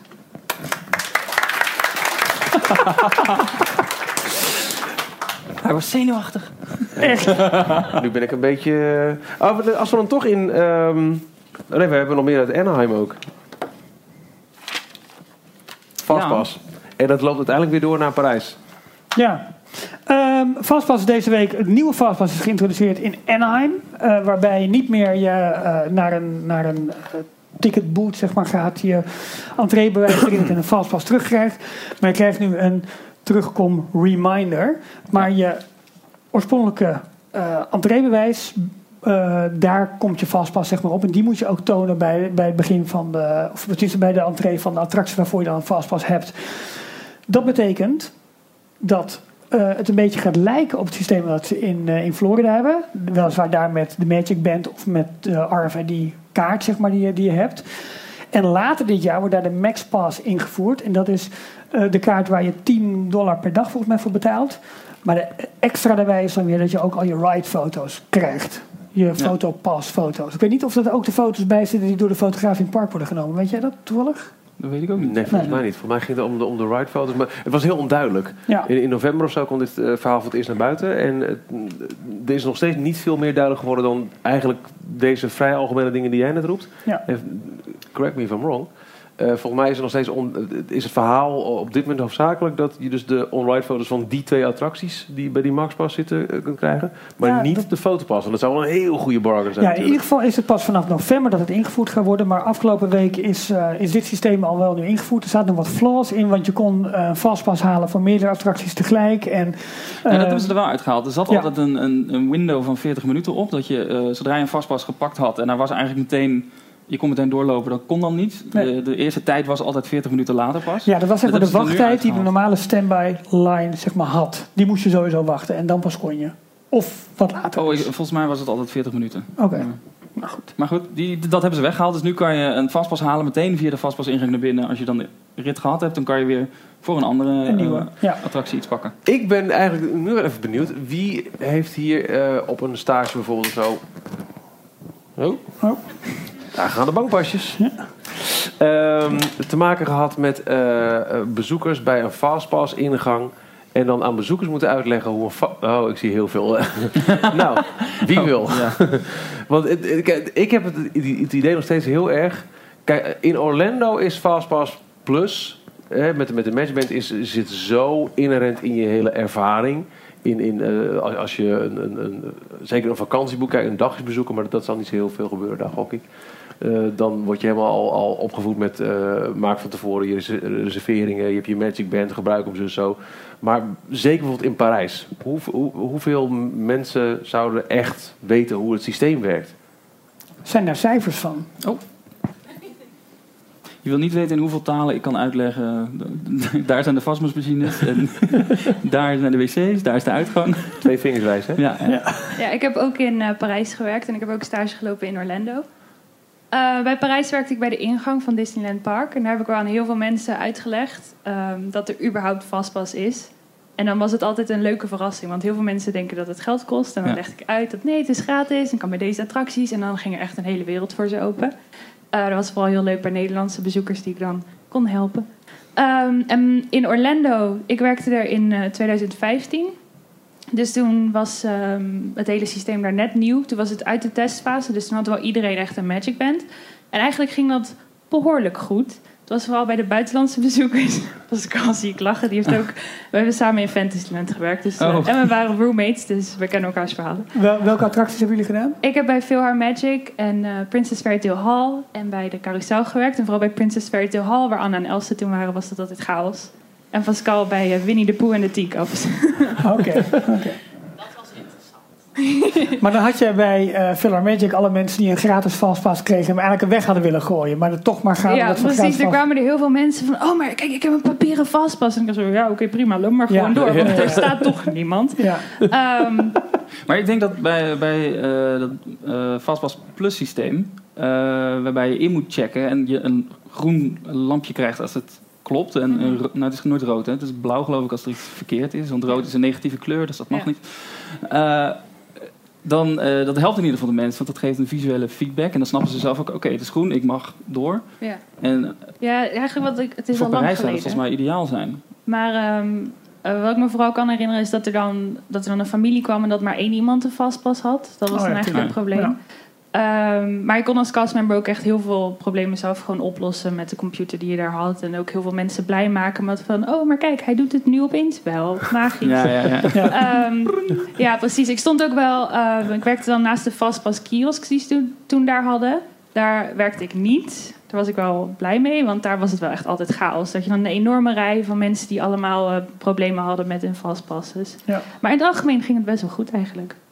In hoeverre, dat is misschien meer een vraag voor de docenten hier... wordt er voor dit soort dingen eh, in de opleiding ook op voorbereid? Want eigenlijk gaat je hele beleving van een, van een, van een dag... wordt natuurlijk anders omdat je van tevoren in kan gaan plannen... Ehm, maar Fastpass is natuurlijk ontwikkeld om mensen minder lang in rij te laten staan, meer in het park te laten zijn. Dus in termen van operations, van eh, dagbesteding, wordt het natuurlijk anders. Ja, klopt. Eh, ik ben Bart, docent, inderdaad. Hoi. Ehm, eh, ja, eh, kun je nog een keer je vraag herhalen? Want ik werd een beetje afgeleid. Ja. hier, eh. Wij snappen hem ook nog in één keer hoor. Ik begin allemaal meteen te lachen als ik voor die microfoon Nou, ik, ik, ik ben benieuwd. Kijk, eh Fastpass is op grote, grote schaal uitgerold. Eh, als we het even over Walt Disney World hebben vanaf Ja. 2014 ongeveer. Ja. Eh, in hoeverre neem je dat soort ontwikkelingen mee in je opleiding? Want eh, de, de, hoe je je dag besteedt in het park is natuurlijk behoorlijk afhankelijk van hoeveel tijd je kwijt bent met wachten. En als je de tijd niet kwijt bent met wachten, die je kunt besteden met shopping, met entertainment, met andere dingen doen. Ehm, ja, in, in hoeverre besteden jullie aan dat soort dingen in termen van operations aandacht? Want jullie zijn ook bezig, heb ik in de uitgebreide site gelezen van jullie opleiding. Ja.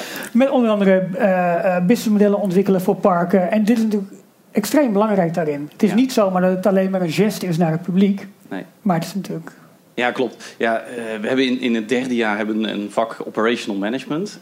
Dat hebben we nu twee jaar op rij voor Toverland gedaan met studenten. En lachen hier wat mensen in het publiek. Ja, En- iedere vrijdag naar Toverland. Ehm, en, en daar observaties gedaan om de, obs- om de operatie te verbeteren. Gelet op veiligheid, op wachttijden, op eh, bezoekersstromen, Ja. eh, drukke dagen, minder drukke dagen, capaciteit, et cetera. Ehm, eh, dat was al heel interessant en ook heel waardevol voor, eh, voor het park. Ehm, en het, verder is het ook een beetje afhankelijk wat, wat de studenten zelf kiezen. Ik heb bijvoorbeeld net een afstudeerder begeleid die in Zweden aan de slag is gegaan voor een bedrijf met virtueel wachten. En, en dat was ook heel interessant. Dus ik mag er niet te veel over zeggen. Er zit een embargo op de scriptie. Maar eh, die heeft echt wel eh, goed gekeken naar eh, ja, verschillende parken en hoe het daar gaat met verschillende systemen. Ja. Dus Ja, maar dat- vergeleken met bijvoorbeeld Efteling, met Europa Park, met al die andere. Ja. Ja. Je ziet het nu ook in veel steden terugkomen. Hè? Dat je dus bij Is het veel... in Nederland eigenlijk al in gebruik, eh, virtuele wachtrijen? Ja, in Amsterdam hebben een aantal eh, attracties heeft het. Ja, ja klopt. Ja, ja, Koen die staat hier al eh, te trappelen, want die is net bezig geweest met een onderzoek voor Plopsa. Dus ja, jij kan er veel beter iets over vertellen nog dan, eh, dan ik. Dus eh Koen? Eh, inderdaad, eh, mijn naam is Koen. Ik heb net mijn afstuderen, onderzoek en scriptie gedaan bij Plopsaland, de pannen in België. Ehm, en dat ging helemaal over operations management en de invloed van de nieuwe attractie op eh, de operations van het hele park. Welke attractie was dat? Heidi the Ride, de Oh, nieuwe ja. houten coaster Ja. in uh, Plopsaland. En ehm, inderdaad, flow management komt daarin wel heel belangrijk terug natuurlijk. En die, die fastpass die worden niet alleen meegegeven, denk ik, als, als zoethoudertje. Ik heb zelf persoonlijk nooit gewerkt voor, voor, voor Disney of als castmember. Maar hoe ik het nu vanuit mijn scriptie bekijk, is dat je het eh, ook meegeeft om bezoekers even tijdelijk ergens anders naartoe te sturen. Want het is natuurlijk heel simpel, als ze in de rij staan, kunnen ze geen geld uitgeven en wordt Ja. er niks Ja. verdiend op dat moment. Ehm, dezelfde reden heeft eigenlijk ieder park een trein of een monorail of een, eh, een kabelbaan om bezoekers snel van de ene kant naar de andere kant Shanghai te brengen. Disneyland. Natuurlijk, dat klopt ja. Eh, maar verder buiten Disney ook eh, heeft zowel ieder park heeft zo'n beetje wel een trein of een monorail of een, of een kabelbaan om snel mensen van A naar B te brengen. En je bezoekers zoveel mogelijk te spreiden, want mensen zijn en blijven natuurlijk kuddedieren die elkaar volgen. Ja, dat is ook hoe ze in Animal Kingdom ooit zijn begonnen. Hè. Ze zijn met drie attracties begonnen. De Kilimanjaro Safaris, eh, Kali River Rapids en... Dinosaur? Dinosaur, maar dat was Countdown to Extinction. Ja, ja, ja. ja.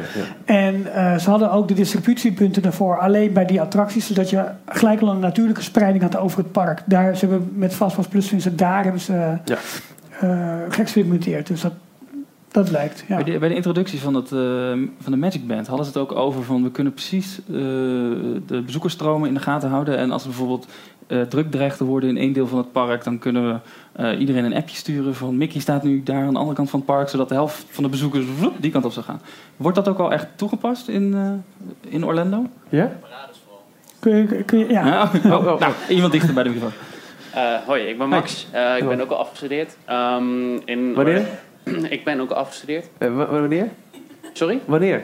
Eh, Ja, we hoeven niet, nee, ja, nee, we hoeven niet te klappen. Dat Met- met wel over ver- vandaag en gisteren. met- Maar gefeliciteerd! met wat vertraging. Nee, het is al een tijdje terug, maar pas met wat vertraging. Sorry. Ehm, nee, maar bij, eh, in, in, in Magic Kingdom inderdaad hebben ze een heel controle commandocentrum als het ware. ehm, waar ook Onder security en dergelijke zit In de onder de grond. En ehm, de, de Magic Band zelf, die hebben zeg maar een eh, actieve RFID-chip. Dus die zendt ook actief uit.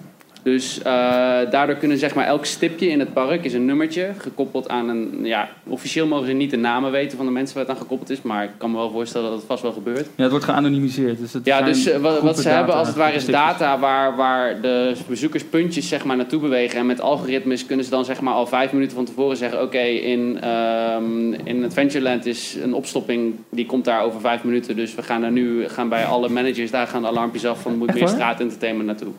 Wauw. Dus dat is echt eh, zover Wij geven ons zo meteen ons e-mailadres, dan kun je de foto's daarvan mailen. dat- dat nee, maar dit is bijzonder interessant. Maar dat Nee, heeft zich ook al bewezen dat, dat het werkt? Ja, nou ja, we- we, ehm, ze hebben daar, eh, je kunt je daar als je, wat, wij, wat de meeste van ons hebben gedaan, als je zo'n programma doet, dan kun je je opgeven voor rondleidingen achter de schermen. Dan moet je ook echt eh, wel geheimhoudingsverklaringen en zo eh, tekenen. Nou. Dus, Nou, eh, niemand. Nee, niemand, eh, dus, blijf onder eh, ons. Ja, nee, maar daarom, ja, het, het Podcast werkt, is heel Het niche. werkt wel, laten we het zo zeggen. Het, het werkt zeker wel. En ehm, ik weet, ik weet eh, wel dat, dat de meerdere dingen daarmee worden geregeld. Dus eh, ook eh Fastpass, zeg maar het systeem zelf.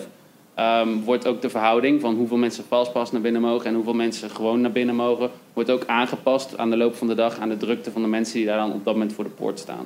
Ja, dus het is klopt. echt, eh, ze, ze hebben operationeel halen ze er heel veel uit. eh, om nog maar Ze te kunnen ook zien hoe lang je op de wc bent geweest en zo, toch? Bij wijze van zouden Ja, ze kunnen, ja. ja, ja.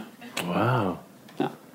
Fascinerend. Ja, nee, maar dat ja, dat wordt ook een beetje wat geroepen eh, in, in de, de YouTube-chat. Ook iemand die vroeg, maar wat houdt het nou precies in, eh, het, het virtueel wachten? Want dat wordt nu dan duidelijk uitgelegd. En ook iemand die net zei, ik word altijd heel smerig aangekeken. Zeker bijvoorbeeld bij Indiana Jones eh, in Parijs. Waar Oh, de ja. fastpassrij eigenlijk midden in de normale rij komt. Want Dit zijn natuurlijk allemaal attracties waar fastpass later aan is toegevoegd. Dus via een workaround. Big Thunder Mountain is ook zo in Parijs. Ja. De, een- een- de, de, de tijdwinst is echt, echt heel groot. Je, je stapt dus echt ver eh, buiten het normale opstapstation eh, op. En je hoeft maar een heel klein stukje eh, af te leggen in de rij. Maar je voegt je in de gebruikelijke rij. En daar krijg je dan toch mensen die van geen weet hebben dat A, Fastpass bestaat... of B, dat daar de Fastpassrij binnenkomt. Wat is dit? Ja. Wie zijn deze Ja. mensen die ineens eh, even gezellig eh, naar binnen lopen? En ehm, je, je ziet nu dat alle, zeker alle grote rides die nu worden gebouwd door Disney... zijn volgens mij, maar dat weet vast ook iemand... worden gewoon gebouwd met, eh, in eerste instantie... we bouwen hem voor fastpass reserveringen... en we doen er nog een klein stukje standby rij bij. Dat is ook de term waar standby natuurlijk op zich vandaan komt. Ja, We hebben in de auto hier naartoe, hadden Michiel en ik het nog even over, over de uitvinding van Fastpass. Dat het ooit gebaseerd is geweest op het eh, je hebt het ook wachtsysteem. eens over andere dingen hoor. Ja, Het, eh, ja, soms. Ja. Eh, een van de bedenkers van, eh, van de Fastpass, je moet die, anders die podcast even opzoeken van eh, Jim Hill. Want daar, voor mij twee, drie podcasts geleden hebben ze dat uitgelegd. Ehm, was een ja, mathematicus, die was in Zwitserland en die zag daar het systeem dat ze een, een skilift aan het vullen zijn en eigenlijk daar de, de lege plaatsen opvulden voor zeg maar single riders. Daar is het idee ontstaan voor Fastpass, als dat later dus in Disney is, eh, is uitgerold. En op zich was dat dus zeg maar het single rider systeem, maar uiteindelijk hebben ze dat omgedraaid dus naar, eh, naar het fastpass systeem, waarbij eh, de bedoeling was van ja luister eens, je checkt gewoon in bij een attractie, net als bij restaurants waar je zo'n buzzer mee krijgt. Je krijgt vanzelf te horen wanneer je aan de beurt bent en je kan de rest van de tijd iets anders gaan doen. Nou, daar is toen het hele ecosysteem omheen eh, Ja, en de standby is eigenlijk de opvulling van Precies, de rest van de... precies. Hebben jullie ook altijd Beyoncé in je hoofd als je single rider hoort? nee? Oké. Jo, en door. Nou, maar en- Fastpass dus. Ja, dat is, en wat eh, wel ja. interessant is, we hebben dus in Anaheim is het nieuwe systeem in eh, werking gesteld. En in Parijs, dat zagen we eh, bij de opening van Star Tours 2, hè, wat in, ehm, eh, dat in maart is geopend in Parijs. Dat daar voor het eerst ook de fastpasszalen heel duidelijk RFID enabled zijn. Ja. En bij de parken, volgens mij is Disneyland Park nu al geweest en komt Studios Park hier achteraan, of precies andersom. Zie je ook de toegangszuilen zijn nu ook RFID enabled. We hebben natuurlijk al het experiment gehad in de hotels met zo'n RFID-pas voor hotelgasten. In plaats van die hele papierwinkel. Dit is je hotelpas, eh, dit is je eh, ontbijtding. Wil je gaan zwemmen, heb je deze. Oh, je- dus eh, met, zo'n multimap aan informatie Ja. dat je de balie verlaat. Ik vermoed eigenlijk dat het niet al te lang meer duurt voordat je ook in Parijs een digitaal fastpass systeem met wellicht zelfs ook van tevoren reserveren. Ja, nou, ik, ik, ik hoop het. Maar ik, ik vind de Magic Band nog steeds het meest fantastisch. Ondanks het feit dat daar in Anaheim geen gebruik van kan maken. Maar ik vind het en een leuk souvenir. En het is makkelijk. Want je hoeft niks meer uit je zak te halen. En je batterij van je telefoon blijft, eh, blijft vol. Eh, ik vind dat eigenlijk het mooiste systeem. Zijn daar ideeën over? Want Disney heeft heel duidelijk ehm, geroepen dat, dat ze willen afstappen van, van de armband. Dus ze willen niet voor nieuwe resorts nog weer met armbanden gaan werken. Eh, Wij denken inderdaad, nou, dom. Want het is super slimme merchandise. En iedereen wil weer net die met, met figuurtje X, figuurtje Y. Of zo'n leuke de- ornamentje eraan hebben. Moet het dan een pas zijn? Is de telefoon, is dat de toekomst? Yes. We hit a nerve. Hoi. Zijn onderwerp. Ik ben Sven, ik zit ook in het eh, vierde jaar. Ik ben ook eh, net mijn afstudeerrapport ingeleverd. En ik wacht nog op de uitslag, dus ik weet het nog niet. Alvast gefeliciteerd! Hey! Dankjewel, dankjewel. Maar jullie hadden het over de armband inderdaad. Ja, er is nu de Fastpass of de Magic Band 2.0 uitgekomen. Waarvan je ook ehm, het cirkeltje, het actieve cirkeltje, ehm eruit kunt halen. En dat kun je stoppen in accessoires, bijvoorbeeld een tas. Of, eh nou, ik kan het zo gek niet bedenken. Je kunt eigenlijk overal instoppen en eh, een accessoire van maken. Dus die worden ook apart verkocht. en eh, ja, dus op die manier kun je dan ook... ik zie de meest rare manier hoe mensen hun fastpass... eh, Wat is dat? nee, ja, je kunt ze dingen overal instoppen. Nou ja, ja, ja, precies. Ja. Ja, je kunt er dus in... Ja, Bent u wel ja, ingecheckt? Ja. Twerkend voor zo'n potje. Ja, dat kan Ja, ja. wel. Ja. Nou ja, dus op die manier kun je dus je, je, ja, je Magic Band customizen eigenlijk. Op een manier hoe je zelf wil. En ze verkopen dus ook eh, ja, merchandise. Waar je dan ook weer dat cirkeltje in kunt stoppen.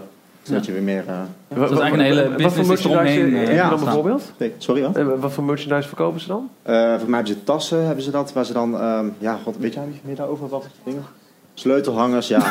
Kijk, maar dat zou, dat zou natuurlijk kunnen zijn. Oké, we stappen af van de armband per se. Ja. Maar die techniek die erin zit en die kunnen zo eruit drukken. Ja. En stop, dit- is alleen nog een grotere cash cow. Natuurlijk. Een tas, een sleutelhanger, een verzin het maar. Ja. Oh. En ja, weer hier. Hi.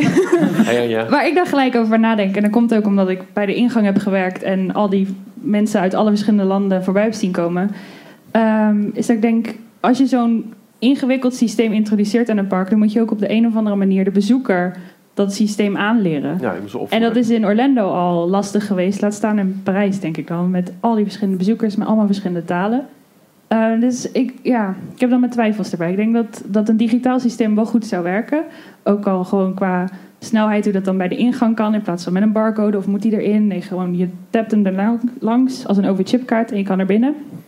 Ehm, en sowieso ook al die verschillende pasjes die je bij het hotel krijgt, gewoon op één dingetje. Ja. Maar of dan een Magic Band en ook, ook het ehm, van tevoren boeken van je Fastpass, dus dat is wel heel ingewikkeld voor de Dat is ook een goed punt wat je, wat je aanraakt. Dat eh, mensen ook... eh, je moet inderdaad het systeem leren kennen. En er zijn mensen die er dus helemaal geen gebruik van maken... want Ja. die vinden het allemaal te ingewikkeld, te moeilijk. En je hebt ook mensen die het juist door en door kennen... en er daar dan ook misbruik van gaan maken. Of zo optimaal alles gaan plannen... waardoor dus andere mensen weer eh, benadeeld worden. En, en dat, dat was ook zo'n scheefgroei tussen Ja. de, de mensen die... Maar zou het de fans werken? die het heel goed Kijk, de, snappen. de dagjesmensen, dat, dat is, ik denk dat in Parijs, misschien zijn er cijfers van, dat, dat er in Parijs meer dagjesmensen komen dan in Orlando bijvoorbeeld. Dus die moet je echt stuk voor stuk gaan opvoeden. Maar als iemand in Parijs een arrangement boekt via eh, de officiële Disney-site of via de telefoon of weet ik veel, en dan krijg je je welkomstdag hartstikke leuk dat er komt, de magie gaat beginnen. Eh, de voorpret begint nu al. En dat je daar gewoon stapsgewijs uitlegt. Eh je bent die en die dag. Welke attractie zou je graag willen doen? En dat ze je in zo'n proces, in een, in een, in een browser dan... Dat res- door het reserveren voor je, je Fastpass eh attracties heen helpen. Dat, dat moet toch te doen zijn, denk ik dan? Ja, Dat klinkt, dat- ja, maar ik denk, ik, ik ga ervan uit dat als mensen nu eh, een reis boeken naar Disneyland Parijs, dat ze dan ook worden verteld van, dus paspas en dat is helemaal gratis en het is super chill. En alsnog is het voor heel veel mensen heel Ja. ingewikkeld. Maar dus ik, ik zou willen dat het zo makkelijk was. Het dient ook weer twee doelen, hè? want in Orlando hebben ze het zo gemaakt dat je je fastpass reservering maar voor één park kan maken. Dus eh, je hebt bij spreken een parkhopper pas, maar je kunt eh, je fastpass reservering voor een bepaalde dag alleen voor Magic Kingdom of Animal Kingdom of Studios of Epcot maken. Ja. Ook dat hebben ze gedaan om, eh, om het parkhoppen bijvoorbeeld tegen te gaan. Zodat ze dus die, die bezoekersflow van tevoren nog beter in kunnen schatten. Dat ze in ieder geval weten van die gast die brengt de hele ochtend of de hele middag in dat park door. En dus heb je minder verrassing daarin. Dus het, het is enerzijds het, het, het gast, eh, eh, de gastbeleving. Anderzijds ook om gewoon flows in te kunnen schatten. Daarop in te kunnen kopen. Daarop entertainment af te stemmen. Daarop alles te doen. Dan kunnen de parken er nu nog vanaf als ze het gaan afschaffen. Helemaal vastpas weg. Is, of is het zo ingeburgerd en zo onderdeel van. Ja, waarom? Ja, wij zien Ja. de voordelen ervan. Maar eh, er zijn ook mensen die, eh, die vinden dat de, normale wachtrijen, de gewoon de standby wachtrijen, die zijn alleen maar langer geworden door introductie van fastpass. Ja, en je misschien moet ook het even... heel Had, je eh, dag had gaan Anaheim op een plannen. gegeven moment heel veel Fastpass weer weggehaald bij rides? Kijken jullie mij aan? Ik weet Ja, jij weet dat. Jij weet, Nee, jij, nee, jij nee, weet nee. alles eigenlijk. Er staat maar iets bij dat een jaar of eh, vijf, zes, zeven, acht geleden. Dat er. eh, wa- wanneer was het? Nou, sterker nog, ze zijn het nu weer aan het toevoegen. Er zijn twee nieuwe attracties bijgekomen. Toy Story en Midway Mania. Ja, omdat het nu en allemaal digitaal gaat. Maar- Pirates willen ze het ook gaan toevoegen, dacht ik. Maar dan moeten ze eerst nog iets voor Er staat mij eens bij, dat, de- en dat was volgens mij in Disneyland Anaheim, dat er heel veel attracties hadden Fastpass gekregen toen het, dat, dat systeem er net was. Eh, ah, die, die, die, die, die. En toen kwamen ze er gaandeweg achter. eh, niet overal even handig. Zoals bijvoorbeeld eh, de, de, de in Parijs, niet handig. Nee. ehm, dat over heel veel is weggehaald. En dat alleen bij de attracties waar het echt werkte, dat, dat ze die in stand hebben gehouden. Ze hebben het ook bij de Matterhorn toegevoegd. Ja, klopt ja. Ja, maar dan heb je ook twee. oké. Twee parken, ja. Ja. Ehm, geen idee. In ieder geval, ze zijn het wel continu aan het fine-tunen. En wat je ook ziet, je moet echt je toegangskaart hebben. Je kunt het ook niet meer voor andere mensen halen. En eh, in Disney World is vanaf vorige week, twee weken geleden, hebben ze ook een systeem ingevoerd. Dat je dus niet meer met oude toegangspassen, fastpassen kunt, eh, kunt scoren. Want een heleboel Dan kon ik tour- prijs in het begin ook met die... nou ja, een heleboel tour die, die verkochten dus arrangementen. En de werknemers van de tour stonden bij rope drop stonden ze vooraan. Holden naar de vastpaskiosken, gingen daar allemaal vastpassen halen voor hun gasten. En dan had je bij wijze van spreken een heel palet aan vastpassen voor, Ja, voor, jou, normaal. voor jouw dag. Dat kan dus niet meer, omdat het nu echt aan je toegang is gekoppeld. Maar ik vind het ook wel interessant om even te vragen aan mensen die bij andere parken hebben gewerkt. Of nu nog voor andere parken werken. Hoe het systeem daar wordt gebruikt. Want Disney heeft min of meer een patent op vastpas. Maar er zullen wel, ja, je ziet alle parken een stapje Nou, links. Universal die heeft het betaald. Ja. De Express, eh Express, eh, Express pas. Pass. Maar niet normaal, de prijs ook ervan. Ik ging voor deze zomer kijken naar Universal. Eén dagje, twee parken met een express pass heette daar volgens mij voor elke keer één attractie. En ik was voor twee personen volgens mij 500 zoveel dollar kwijt. Voor één dagje. Ik heb het niet gedaan. Werkt dat, het, eh, het betaald maken van een voordringdienst? Nou ja, Parijs heeft het dus overwogen. Dat, dat gerucht ging dit voorjaar. Ja, weet je Eh, er iets meer over te maar dat lijkt afgeblazen te zijn. Ja, met prijs wilden ze het inderdaad. Ja, eh, dat het gerucht ging dat, dat er waren ook wat- wat eh, enquêtes de rondgegaan. betaalde vastpas wilde. Voor rond een 69 euro geloof ik.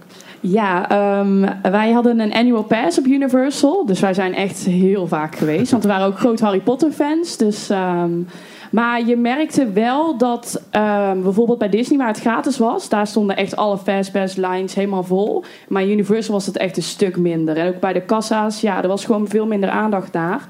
Ook omdat het zo duur was. Ja. Het is wel zo dat Amerikanen, denk ik, meer bereid zijn om meer uit te geven aan een pretpark. Sowieso dan Europeanen. Dus ehm, ja, als je dat geld hebt en je wil niet wachten of je bent daar maar voor een paar dagen en je wil echt alles doen, ja, dan is het wel een optie. Maar je merkte wel dat het echt een stuk minder populair was in Universal. En is het voor een park relevanter om eh, het is duur het, het voordringen eh, met een prijs in de markt te zetten, maar dat minder mensen er gebruik van maken, of het iedereen kunnen laten doen, zodat iedereen eh, in de winkeltjes gaat kijken of in de restaurantjes iets gaat kopen? Het lijkt mij ook namelijk dat dat meer oplevert uiteindelijk.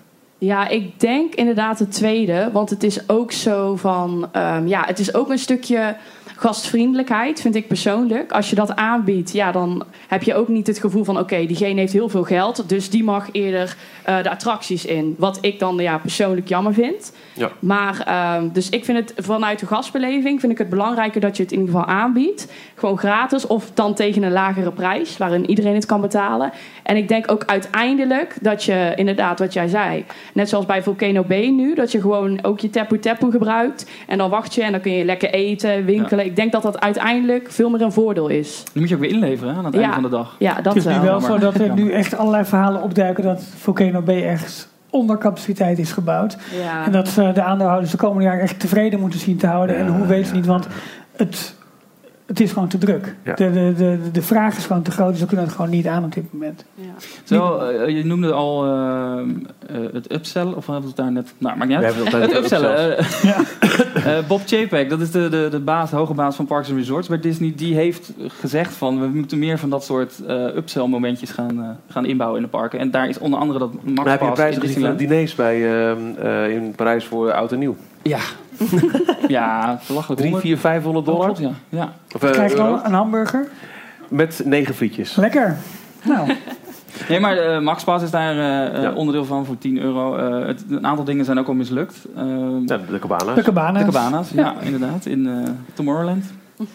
Eh, maar ze zijn daar wel bij Disney dus ook Ja, naar was op zoek van wat we- is wij nou vorig jaar in het, Orlando waren, ze het aan het punt wat, dat we er goed op kunnen verdienen, maar dat het toch ook nog wel als klantvriendelijk ja, je had het met die de extra, extra openingen 's ochtends. Dat je Ja. voor een belachelijke prijs kon je, kon je 's ochtends al naar binnen. Of s'avonds langer En blijven en dan kreeg je een colaatje erbij of zo. Ja, zoiets. Ja, ze, ze- en, en dat zijn ook allemaal experimenten geweest die het, het, het- het de, drie de weken snelle busservice. Ja, Dus die, die werkt park wel. Naar de Toch? andere kant. eh, Die ik backstage. niet. Hebben ze dat nog steeds? Ja, hebben ze. Ja. Dat is volgens mij wel een succes. En zijn mensen daar ook positief over?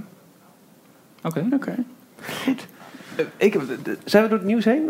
Mag ik al gewoon een Allang. uh, willekeurige vraag? Allang? Ja, ja, doe maar. Oh. Oh, Nou, er was nog één on- leuk onderdeel van, voor Anaheim, DCA. Ehm, de focus voor Halloween. Die willen ze langzamerhand naar, van Disneyland naar DCA gaan verplaatsen. Omdat ze, dat is allemaal in voorbereiding van Star Wars Land, wat in 2019 gaat openen. Dus ze zijn nu al, eh, komend Halloween seizoen, ehm, komt er onder andere een, even kijken hoor, eh, wat overlees voor Guardians of the Galaxy. Die dus pas sinds mei Nu al? open is. Willen ze een Halloween versie van gaan Oh, introduceren? dat- Dan, ja, dat kan. Spannend. Ik, ben er dan, dus ik ben wel benieuwd. Carsland, die, eh, de, de, Kun je ook goed doen. de auto's die daar leven, die gaan, iets, die gaan Halloween vieren. Die gaan dus ook verkleed waarschijnlijk of zo. Als een auto verkleed als auto. een andere Top. auto. Ik weet het niet. Eh, en dan volgend jaar willen ze het eh, nog gaan uitbreiden met een eigen World of Color versie. Ehm, Mhm. En zelfs, er gaan geruchten dat ze Paint the Night naar DCA willen gaan, eh, gaan halen. Zodat die dan... ehm, En dat, Dat zou dan zijn. En, en die link met Star Wars Land is dan, gok ik nu, want op dagen dat, ehm, dat de parken daar de Halloween avondopenstelling hebben. Dat zijn allemaal hard-ticketed events. Hè. De, ik heb het vorig jaar met Universal gezien. Dan sluit het normale park om 6 uur. Nou, dan heb je de screens ook wel gehad. Ehm, en eh Disneyland het sluit ook al wat eerder, omdat dan s'avonds voor de betalende bezoeker er is. Maar ja, als mensen in een rij van 9 uur gaan staan om eh, de Millennium Falcon Ride te gaan doen, dan kun je het niet. Nou, eh, dat wordt ook een interessante. Want eh, de, de previews van Guardians of the Galaxy, dat hadden ze nooit verwacht. Daar hebben ze ook een ticketed event van gemaakt. Ja, Voor dat is waar, 150 dollar Ja. Ja. mocht je als een van de eerste de attractie Ja, maar beleven. Een dag eerder. Dat is uitverkocht. Er was heel veel eh, enthousiasme voor. Mensen die vonden het helemaal geweldig. Dus ze zijn nu langzaam aan het kijken naar hoe gaan we dit bij Star Wars Land ja. succesvol Nou, we hebben nogmaals doorvoeren. Dus we waren er nog waarschijnlijk bij. de eerste Maar, eh, drie, vier weken, maanden moet je, moet je Gewoon 200 betalen dollar om een, neerleggen eh, om Star Wars Land in te kunnen. Ja, nou ja, als het werkt en je haalt daarmee de, de grote druk eraf als het echt voor het grote publiek open gaat. We hebben het in Parijs ook meegemaakt. En dat was er niet voor 150. Maar met Ja. de, de, de, de heropening van Space Mountain naar Hyperspace Mountain. Dat viel samen met, twee- met twee Star Wars soirées in het eh, Studiospark. Eh, dat was 50, 40, 50, eh, ja, volgens mij 50 eh, euro. En voor nog eens 15 euro erbij mocht je ook de hele avond exclusief in Hyperspace Mountain. En die Star Wars avonden waren op vrijdag en zaterdag, waardoor Hyperspace Mountain op zondag voor het normale publiek open ging. Waar het in eerste instantie op zaterdag zou gaan, maar die avonden waren nog eventjes Ja. in gelast en toen werd het op. Dus dat was dan 15 euro, dat was nog te doen. Maar als dat werkt, als de Ja, demand grote zo kans dat groot dat soort zijn. dingen steeds meer ook in Parijs gaan, eh, gaan komen nu de, de Amerikanen de baas zijn. Maar ik denk dat het, het, het bedoeling daarvan is puur de upsell en niet om drukte weg te nemen van de Nou, ja, eerste beide. dag. Ja, beide. Het is natuurlijk extra geld, maar je kunt daarmee ook fatsoenlijk met toch heel veel mensen dat, dat land ehm, eh, testen, in, in, in, in bedrijf hebben. Zonder dat je gelijk een wachtrij van 10 uur. Volgens mij zien ze eh, de opening van, van Harry Potter, dat, dat zien ze daar als eh, het voorbeeld van hoe ze het liefst niet zouden willen. Hoe is dat gegaan? Dat weet ik niet meer. Een wachtrij van acht uur voordat je überhaupt pas in het land was. Ah, En dan moest je daarna nog eens in de wachtrij voor, voor de attracties gaan staan. Hoe zouden ze dat genoemd met Nintendo World? Ja. Iedereen een Gameboy geven in de wachtrij. Ja, dat zou kunnen. Ik ben wel benieuwd namelijk. Kijk, wij maken deze eh, podcast als Disney geeks, maar ook gewoon als theme park geeks. Eh, als, als ik nu zou zeggen, kom jongens, zullen we morgen naar Fantasieland gaan? Dan eh, zit ik al in de auto. Ja, hoor. Ja, hè? Eh, vinden we allemaal fantastisch. En Universal bezoeken we natuurlijk ook. En, en, en- Maar ik hoor net dat we waarschijnlijk met een heleboel mensen gewoon mee kunnen binnenkort. Dat- naar alle parken in de buurt. Dus Maar wie hier, want jullie hebben allemaal een opleiding gekozen uit voorliefde voor theme parks, voor, voor attracties, voor Imagineering, eh, noem maar op. Zegt Disney is niet meer top of the bill. Dat is, vult u maar in. wie staat erop? Niemand? Stilte. Nee, ja, dat mag. Je mag ook advocaat van de duivel spelen in deze. Als dat niemand is, dan is, zijn we het erover eens. Oh, Pascal. Nou, komt er maar dan. Ik ben gek op Disney. Dat ten eerste. Maar- Maar- Met alle respect. Eh, ik moet zeggen, ehm, Universal qua r- ehm, rittechnieken, zeg maar, met de schermen en Harry Potter. Nou, zoiets heb ik echt nog nooit meegemaakt. En in dat perspectief vind ik Universal wel beter qua ontwikkelingen. Maar Disney is ook gewoon, ja, die heeft natuurlijk ook die ste- sterke characters. Ja, Universal nou ook natuurlijk. Maar ja, dus als ik dan in A Little Mermaid zit, dan vind ik het toch hartstikke schattig. Ook al is het maar, maar tussen haakjes, een dark ride. Ja. Maar ik vind Universal is wel echt, toen ik in die attracties zat, toen dacht ik wel echt van wauw. Vooral in Green Gods, toen dacht ik, nou, dit is echt eh, de beste attractie waar ik ooit in heb gezeten. Zo next level. Wist je, Ja. de- de- de- doen jullie ook aan de geschiedenis van, van de verschillende theme parks? Denk het wel. Ik heb net het boek uitgelezen van, van eh, eh, Jay Banks. Kent iemand dat? Over eh, de man die de Universal eh, parken eigenlijk heeft ontwikkeld. Van, vanaf, de, vanaf de tramtour puur in Hollywood. Dat het echt naar een park emporium heeft uitgebracht. En er st- staat een hele eh, eh, geschiedenis in over hoe hij uiteindelijk... Hij wilde al jarenlang in Orlando ook gewoon eh, voet aan de grond hebben. En ehm, toen dat liep, toen was het oké, nu wordt het tijd voor een tweede park. Dat is heel lang eh, op papier geweest, Cartoon World. Kent iemand dit verhaal? Nee. Kom maar. Ja, en dat was dan een, een verzameling van eh, nou ja, ehm, eh, DC-helden, Marvel, dat hebben ze uiteindelijk gehaald, ehm Dr. Seuss en eh, alle characters van Warner Brothers. Ze zijn heel lang bezig geweest om Warner Brothers binnen te halen voor de, de, de characters van wat uiteindelijk Islands of Adventure is geworden. Ook nog deels omdat Steven Spielberg per se zijn Jurassic Park eh, vond. Dat moet eigenlijk een eigen park worden en dat is eigenlijk Ja. een heel groot parkdeel geworden. Maar de, de characters van Disney zijn inderdaad heel sterk. Maar ehm, eh, Universal was ervan overtuigd als wij Bugs Bunny en, en, en, en Daffy Duck en al die anderen, dat zijn ook heel sterke karakters, maar die worden eigenlijk gewoon niet goed neergezet nu. Kijk, Six Flags heeft er een poos mee lopen kloten. En dat is het gewoon allemaal net niet geweest. Dat is ook allemaal weer weggehaald. En er zijn nu wel nog een paar Warner Bros. Movie Worlds, maar dat is ook niet... Eh, Universal is echt heel erg eh, eh, serieus een plan geweest. ergens in de jaren, nou, begin jaren 90, om met de Warner Bros. karakters Disney een definitieve klap toe te brengen. Om ook het Magic Kingdom concept ehm, aan te vallen. Niet alleen het filmpark concept. Maar ja, ik, ja, ik ben het sowieso met je eens dat Universal in ieder geval de boel weer aardig lekker op de spits heeft weten te drijven. En Disney nu ook weer op die boel.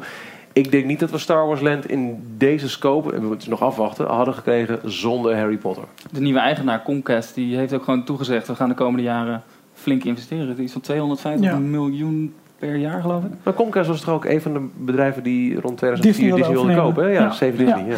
Maar het is, eh, wat ik interessant vind is, zo beleef ik het, dat Disney wel echt ontwerpt voor de langere termijn. En dat er bij Universal veel meer, bij in, in, in termen van 7 tot 10 jaar vernieuwing kan gaan plaatsvinden. Ook omdat ehm, ja, de legacy zeg maar, van de characters, van de IP's die ze gebruiken, wat minder indrukwekkend is. Dat is natuurlijk niet met Harry Potter het geval, want dat is, nou ja, met de, Ja, maar is de- één. als, als, de- als je daarmee de luiheid voorkomt dat je nu nog steeds naar eh Ellen's en Nee, Energy maar, Adventure kunt. eh, eens. En niet 20 jaar hopelijk naar de Jimmy Fallon ride. Het, ja, gaan. het lijkt alsof Universal op voor de, de, de quick fix is. Van eh, wat is nu hot? En daar gaan we meteen een attractie op, eh, op Ja, en opbouwen. goed. En daardoor ook en goed, maar wel veel met schermen en projecties. Omdat Ja. dat redelijk makkelijk is.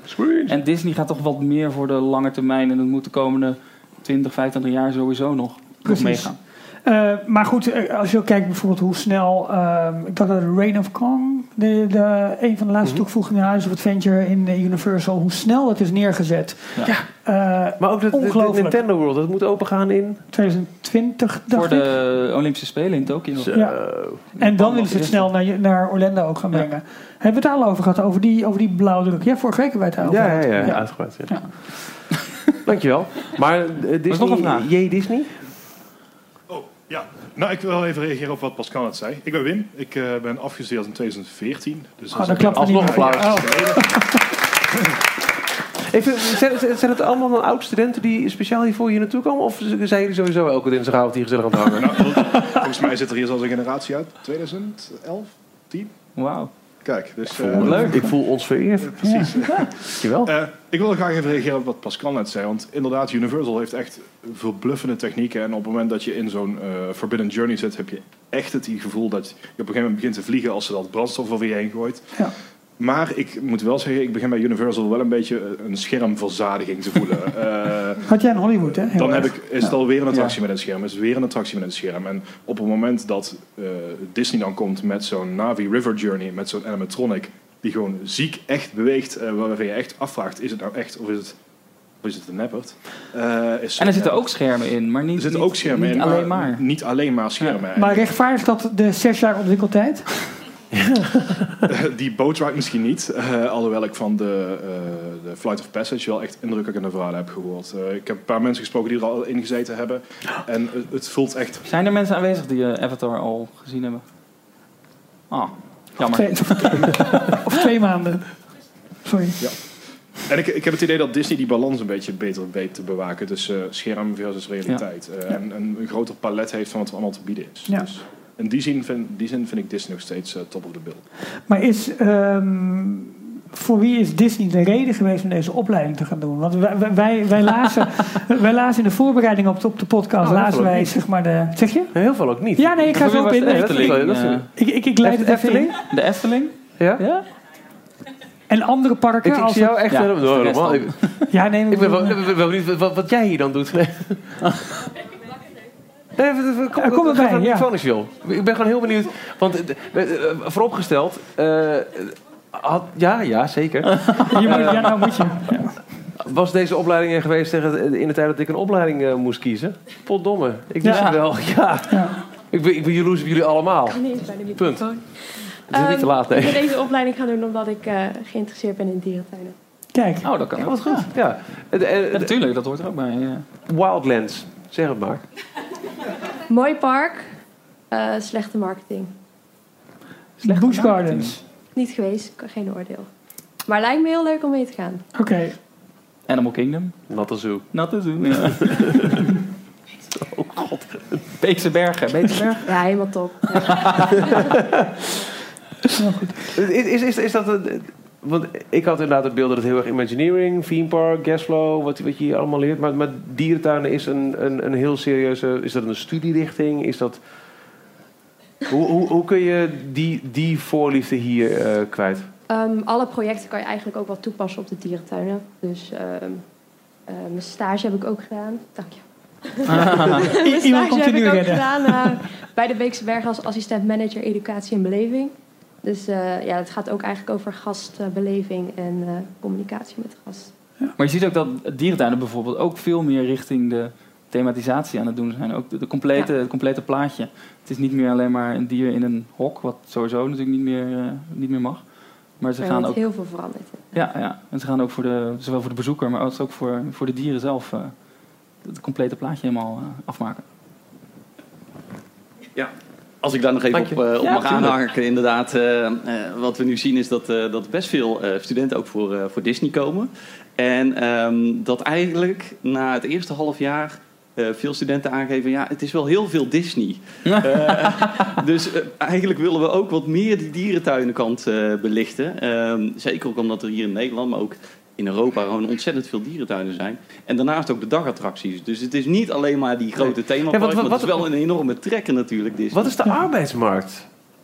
hoe, hoe, als, je, als je deze Ja. opleiding hebt gedaan, Ja. eh, krijg je allemaal het telefoonnummer van Tony Baxter? Of, eh, Nee, nou, eigenlijk is het wel een, een mooi voorbeeld om te zien wie hier allemaal eh, zitten. Want we hebben dus nu een aantal afgestudeerden, een aantal eh, alumni.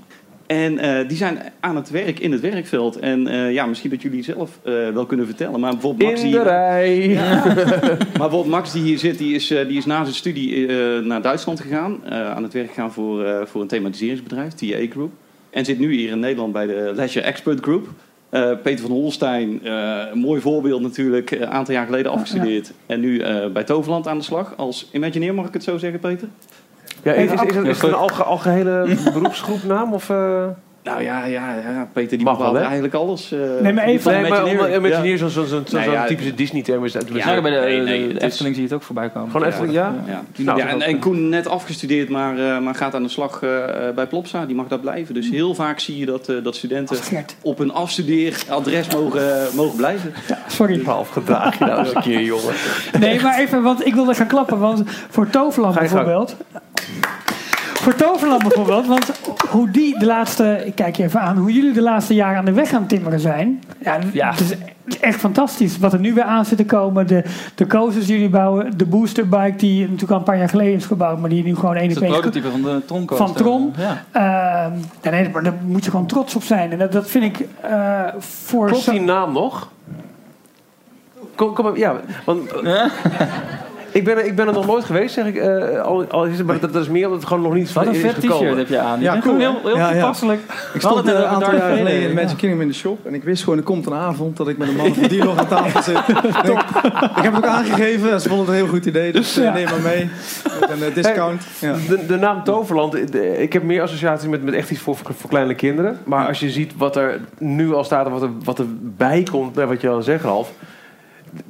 Wordt het niet eens tijd voor een rebranding? dan? Ja, die discussie hebben we intern al vaker gevoerd. Nou, bij deze. Ehm, maar nee, we hebben wel bewust keuze gemaakt om de naam eh, in ere te houden en eh, daar gewoon op voor te borduren. En met name met de attractiekeuze die we nu eh, maken en de nieuwe weg die we inslaan, of blijven inslaan eigenlijk, hebben wij het volste vertrouwen dat we dat imago ja, steeds verder kunnen ombuigen in de gewenste richting en een steeds groter publiek aanspreken.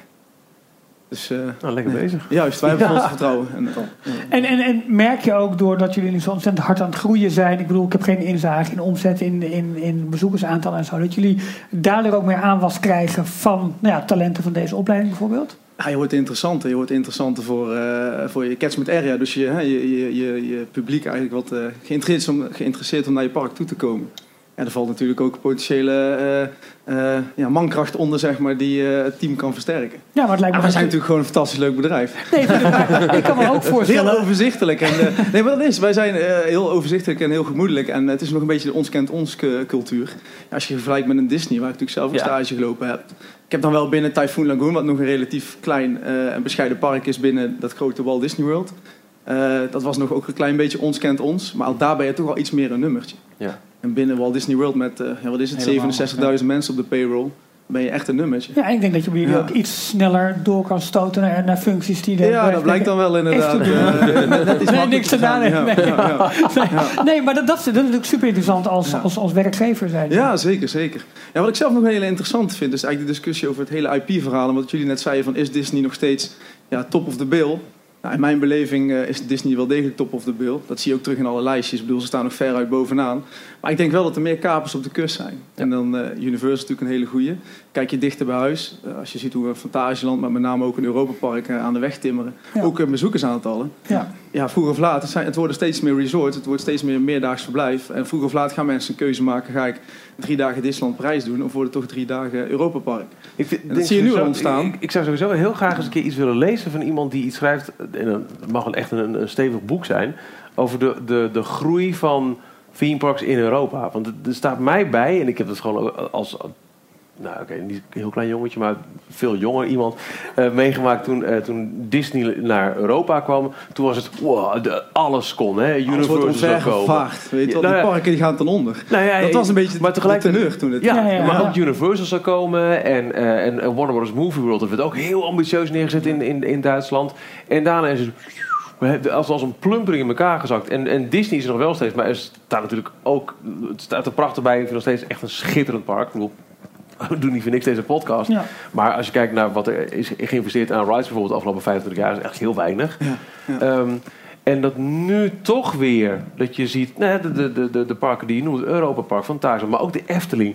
Eh, Er wordt echt serieus eh, geïnvesteerd. Het groeit en eh, d- d- er lijkt weer een, een, een, een, een markt opnieuw Maar er zit potentie in die markt en je moet hem alleen weten aan te boren. Zoals dat wij dat ook op onze manier doen. En dat doen eigenlijk alle parken. En Disneyland Prijs is helaas natuurlijk door een hele moeizame start... een beetje in een heel lastig pakket terechtgekomen. Eh, En en heeft even een weerslag gehad op, op eigenlijk alle Europese parken. Nou, ik denk dat Disney met name wel een, een kwaliteitsslag heeft meegegeven. En ook het bezoek van een attractiepark eh, veel meer acceptabel heeft gemaakt. Als je ook wel eens terugleest, hè, ik bedoel, ik draai ook wat langer mee in dat fanwereldje voordat ik eh doorstoten naar een professionele functie. Maar eh, als je oude, krantenartikelen, ik heb ze nog uit begin jaren 90, dan was een pretparkbezoek, het was ook echt nog een pretpark. Ja. was toch iets ordinairs bijna, weet je wel. Daar Ja. eh, wilde niet iedereen gezien worden. En dankzij Disney, dankzij Disney gingen ook de mannen in de stropdassen, weet je wel, met, eh, met de dik betaalde banen. Die gingen dan met het gezin een dagje naar, eh, of meerdaags verblijf naar Disney. Ja. Dat zie je nu in Europa Park, nog status, sterker. eh, Europa Park heeft een twee sterren Michelin eh, restaurant. waar mensen komen die misschien helemaal niet voor die achtbaan komen. Maar die willen wel even ondergedompeld worden in een hele andere wereld. En die gaan daar eh, met een vette paycheck gaan ze dineren. Met op de achtergrond eh, eh, vijf mooie hotels en een, een heel themapark. Ik vraag me ook af of de, de parken zoals de Efteling, Fantasialand, Europa Park... die hebben natuurlijk nog maar één park waar ze zich volledig op kunnen focussen, 100%. En Disney die heeft inmiddels zes resorts wereldwijd. En die moeten hun aandacht verdelen. En je ziet dat ze Ja. dat dat ook al moeilijk is. En Parijs is heel lang natuurlijk een beetje het ondergeschoven kindje geweest. Ja, ja. Oh ja, Plopsaland, daar zijn er ook meerdere van. Ja. ik ben wel benieuwd hoe dat... eh, Ja, inderdaad. eh, Plopsa is eh, begonnen in 2000 echt als Plopsa Land. eh, als onderdeel van Studio 100. Gewoon om de karakters een, een, een vaste leefplek te geven. En wat ze nu in 17 jaar tijd voor elkaar hebben gekregen met eh, zeven parken en een achtste park Zeven op komst. Wauw. Ja. Zo. Ja, er zitten er eh, drie in België nu. Ehm, en, een, en een waterpark in Nederland en in Duitsland. Polen wordt er op dit moment eentje gebouwd. En er zijn Polen nog veel ook. meer waterparken op komst. Maar merk je dan ook dat het lastiger wordt om de aandacht te verdelen over al die Ja, sowieso zit je daar ook weer mee met die IP's. Ehm, ik denk dat dat ook weer, om terug te komen op het verhaal van net, waarom is Warner Brothers en, en Universal minder goed gelukt? Je bent gewoon heel erg afhankelijk van je figuren, van je karakters. Dat merk ik nu ook bij, eh, bij Plopsa met de Studio 100 figuren. Het heeft heel lang geduurd voordat Heidi nu pas in een park terecht is gekomen, terwijl ze die rechten al sinds 2008 hebben. Ehm, en dus ze zijn al ja, nu bijna tien jaar bezig om een figuurtje te laden dat het populair genoeg is om in een park toe te passen. En daarbij is het ook dat een, eh, een figuur gewoon heel erg gebonden is aan een bepaalde doelgroep. Sommige landen kennen eh kabouterplop helemaal niet. Die kennen het fenomeen kabouter helemaal niet. Dat is, houdt echt halverwege Frankrijk houdt dat op. Dus om daarmee naar Duitsland te gaan, dat zou gewoon een hele stomme keuze zijn. En hetzelfde om met, eh ja, met Maya erbij naar, eh, ik noem maar even wat, naar Ierland te gaan. Dus dat zou ook heel, heel raar zijn. Mega Mindy daarentegen. Die kennen nog veel minder mensen. Dat is, eh, wil je even een kamer alleen, Ralf? Nee. Ehm, als ik daar nog even ook wat aan toe mag voegen. ehm, eh, wees ik maar blij, of wij, in principe wij hier op deze opleiding mogen blij zijn dat die parken eigenlijk de handen vol hebben. Want dat geeft ook weer, eh, ja, nou ja, maar ook niet alleen om bij het park zelf te werken, maar vooral ook in de business eromheen. Ehm, ik heb dan de mazzel dat ik mag werken bij een bedrijf wat voor parken concepten uitwerkt. Dus heel vaak bijvoorbeeld een, een plopzaak kan een klant van ons zijn. In de vorm dat die zeggen wij hebben een idee. Maar we hebben niet de mankracht nu om het verder helemaal 100% uit te werken. Ja. Dus we hebben jullie, we hebben bijvoorbeeld tekenaars in dienst en dergelijke. En die kunnen dan zo'n concept weer naar een hoger niveau tillen. Dus het is, en in, in Europa bijvoorbeeld heb je drie grote groepen eigenlijk. Ehm Compagnie des is een hele grote. Parkers Reunidos bijvoorbeeld is een hele grote. En Plopsa is dan ook heel erg groot aan het worden langzamerhand. Maar die hebben allemaal geen eigen ontwerpafdeling. Die hebben een, een, een soort van planning- en strategieafdeling. Die zeggen van, nou, we gaan daar een achtbaan neerzetten, we gaan daar een achtbaan neerzetten. Maar dan geven de, geven de parken zelf hebben zeg maar vrijheid daarin. En die gaan dan met eh, externe bureaus. En in Nederland hebben we er gelukkig drie, eigenlijk hele grote. Eh, dat is dan Leisure Expert Group, eh Joravision en eh, PNP. Dat zijn een beetje de grootste in Nederland. En die domineren eigenlijk de hele Europese markt met z'n drieën als het gaat om hoogwaardige attracties voor het middensegment. Dus dat is dan wel weer heel tof dat wij daar als Nederlanders weer heel goed in zijn. En dat we Ja. dat ook kunnen dien, van dienst kunnen zijn met deze opleiding. En- en terug naar Disney zie je dan dat daar zeg maar, ook een verschil gaat ontstaan. Omdat ze feitelijk alles in huis kunnen doen. En alles vanuit ja, zeg maar, de hele keten kunnen doen. Vanaf nou ja, eh, eh, eh, characterontwikkeling. Dat uitventen op eh, veel merchandise. Wat, en dan naar de parken brengen. Dat dat één lijn is. Dat dat beter geladen kan worden. En dat je dan de totaalbeleving nog meer hebt. Of zeggen van nou, ondanks het feit dat de andere parken zeg maar, gewoon externe partijen inhuren. Kunnen we dat niveau ook gaan halen. Nou, dat niveau dat kun je in principe, wat je zegt, alleen al halen al- als, als Disney zijnde. Ehm, dat ligt ook puur en alleen maar aan de budgetten waar je mee te maken hebt. En, en dat is natuurlijk al helemaal iets als je een keten bent. Dan heb je een bepaald investeringsbudget. Daar mag je niet overheen gaan per jaar. Maar juist Plopsaland is echt een heel goed voorbeeld van hoe ze dat nou crossmediaal gaan aanpakken. Met we hebben een serie en dan, terwijl dat wordt ontwikkeld, terwijl, er worden bijvoorbeeld al afleveringen geschreven gebaseerd op iets wat mogelijk een attractie kan worden. Ja. En op die manier kun je dat natuurlijk wel, als je het eh, voor een grotere groep hebt als een brede keten, dan kun je dat natuurlijk wel doorontwikkelen. Walibi heeft ook op een gegeven moment gedacht van we gaan een, een IP er neerzetten. Nou, dat is falikant mislukt omdat ze het niet goed doordacht hadden. Omdat ze niet de, de investeringsvolumes er tegenaan hebben gegooid. Die Plopsa bijvoorbeeld wel kan doen. Hoe, Eh, hoe had het bij Walibi kunnen werken? De, de eerste wat ik aan denk, gewoon, eh, tv-serie rond die characters? Of is dat niet?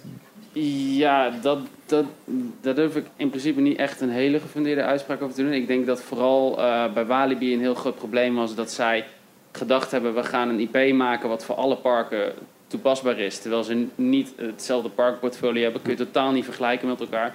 Plus eh, de doelgroepen zijn daardoor ook helemaal anders. Dus dat, ja, dat viel gewoon falikant in, in het water. Omdat je niet de attractiemix had die paste bij het IP in elk park. Dus dan Ja. ga je het eigenlijk maar op één of twee parken waar het echt goed bij past. En de rest, ja, dat was Moest maar een een beetje achteraan. En dan ga je ook in hele rare bochten wringen om het dan kloppend te maken. En dan werkt het gewoon niet meer.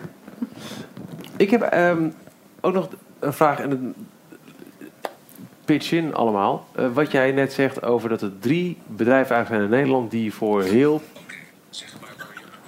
Waar? Nou Siri, ik vraag mij af... Heeft iemand er een verklaring voor dat Nederland het zo goed doet op Europees en ja, uiteindelijk ook wel wereldvlak in, in theme parks, in het ontwerpen van die rides, in... En die, die, die gaat natuurlijk iemand van de opleiding gelijk zeggen, nou, eh, Nou, ik zal niet zeggen dat het aan ons ligt hier op de school. Maar, Mag hoor. Nou, bestaan, bestaan er veel van dit soort opleidingen in eh, Europa? Nee, volgens mij zijn wij de enige in Europa. En dan verder heb je hem nog één keer in Azië ergens. En volgens mij ook op Rosen College. in- Nou, dan is dat in ieder geval zeker een unique selling point. En Ja. wat is hier de verhouding tussen Nederlandse of Nederlandstalige studenten en buitenlandse studenten? Op dit moment nog wel vrij hoog. Maar daar kan Bart wel even snel wat over zeggen. Bart komt er nu aanhollen. Ja, ja, ja. Ehm, op dit moment hebben we veel Nederlandse studenten. Ehm, we hebben nu de aankomende lichting, die is net geselecteerd. Eh, daarin zitten zeven internationale studenten. Eentje is hiervan aanwezig, dat is Robin. Die komt Hey, uit België, Robin. dus die Hey, Robin. mooi. Hey. Oh, wel geloof ik Nederlands. eh, Ja. Gelukkig. Maar we hebben nu... We eh, alles over moeten doen in het Engels. We hebben nu eh, mensen uit, eh, uit Spanje, eh, een Spanjaard in de trek dan. Eh, daarnaast iemand uit, eh, uit Indonesië, uit de UK, uit, eh, drie mensen uit Duitsland, ehm, uit Bulgarije en uit België en Nederland. Voor, voor, voor hoeveel mensen is er plaats per jaar? 40. 40 per jaar. Lo- loten dus ook. Ja. Ja, is dat loten of is dat, moet je werk inleveren? Oh, sorry, Paul. Nee, er is een selectie. ehm, en die selectie is gebaseerd op motivatie, op Hier. Engels, omdat de trek in het Engels is. En eh, eh, daarnaast op, ehm, ja, op cv en, en een gesprek. En als je heel goed bent, kan je dan ook een vastpas krijgen? Eh, ja. Zeg dat gewoon. Goed, eh, Nederland. De, de, de, eh, de opleiding is, is eh, dat wilde je niet zeggen, maar wat is dan wel volgens jou? ehm, Ehm, nou, ik denk, en dat is iets wat, wat boven de pretparken zelf gaat eigenlijk. Wij hebben in Nederland hebben wij de beste decorbouwers van de wereld. Het Eurovisie Songfestival podium bijvoorbeeld. Dat wordt gewoon gemaakt door een bedrijf uit Hilversum. Ja. Ehm, wij hebben de, de beste, we hebben de beste DJ's ter wereld. We Ja, hebben een heel, heel kritisch publiek. ja, nee, dat, Hij- dat is wel. Dat, dat is wel gewoon zo. Wij hebben gewoon een hele hoge, een hele hoge, eh, een hele hoge standaard, als het ware, van hoe je mensen moet entertainen. Mensen in Nederland zijn heel erg snel verveeld. En we hebben een hele hoge standaard daarin. En daardoor, dat zie je in heel, in heel veel branches. Eh, dus dat in de entertainment-industrie, waar een klein landje groot in kan zijn, is dat je een hard je best moet doen om te slagen. En daardoor denk ik dat dat weer zijn weerslag heeft ook in, in pretparken. En in, in waarom er bijvoorbeeld drie van de grootste eh, ontwerpbureaus in Europa en in Nederland zitten. ah, interessant. eh. Ja, absoluut. We hebben, eh, ik begreep dus dat je na deze opleiding eh, gedaan te hebben ook nog een master kan doen, Master Imagineering.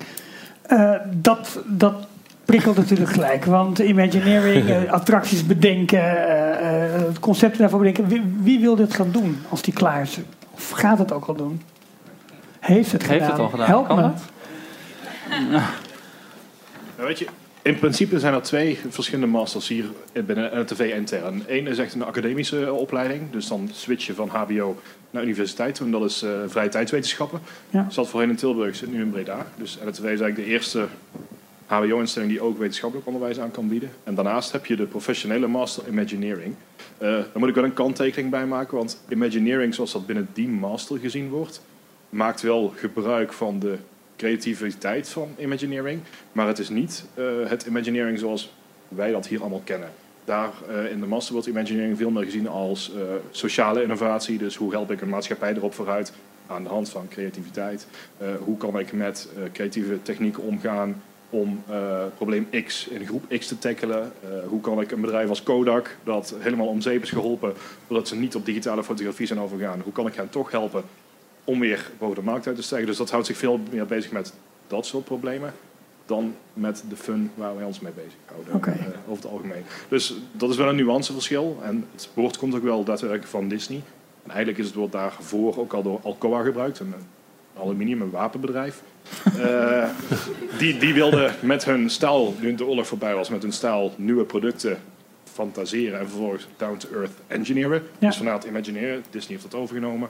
Maar het gaat veel meer terug op die creativiteitsbeginselen dan op het daadwerkelijke Walt Disney Imagineering. Ja, ja, En ik moet ook zeggen doordat je steeds meer het woord Imagineering tegenkomt, niet alleen in de attractieparksector, maar ook buiten de sector.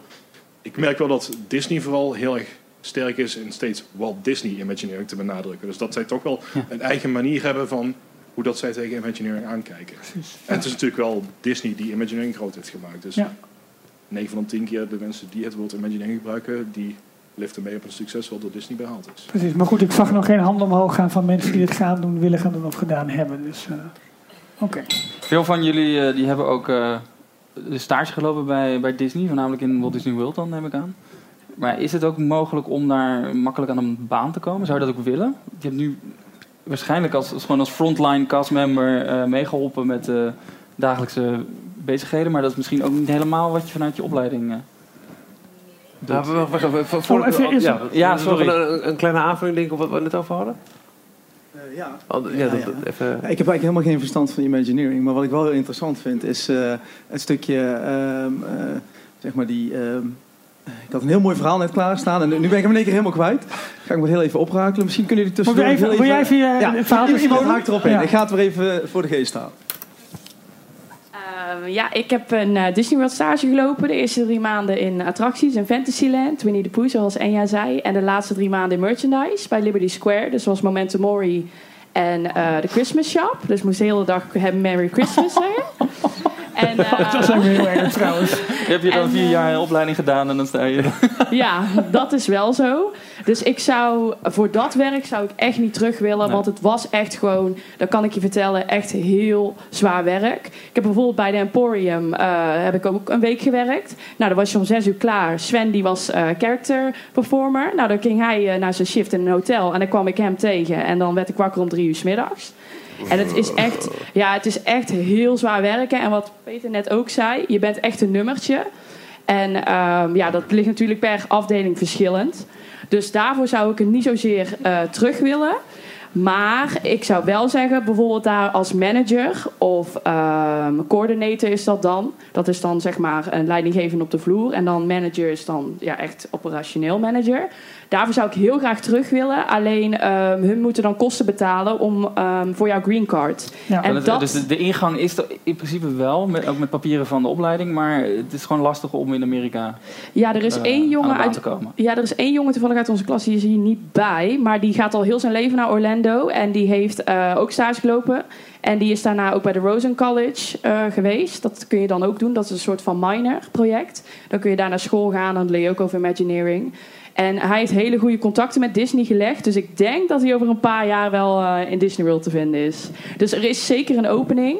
Als je het wilt, dan, ehm, ja, dan kun je ervoor zorgen. Alleen, ja, vooral met die kosten ja, die hun dan zouden moeten betalen, dat is dan weer een lastig. eh, Maar dat is wel het niveau waarvoor je hier wordt opgeleid. Ik bedoel, om daarin te stromen, in die ja, managementlagen. zeker. Ja, ja. niet in, eh, zeg maar, gewoon als attractiemedewerker Nee, of eh, Nee. Merry Christmas, Christmas cheer verspreiden, zeg maar.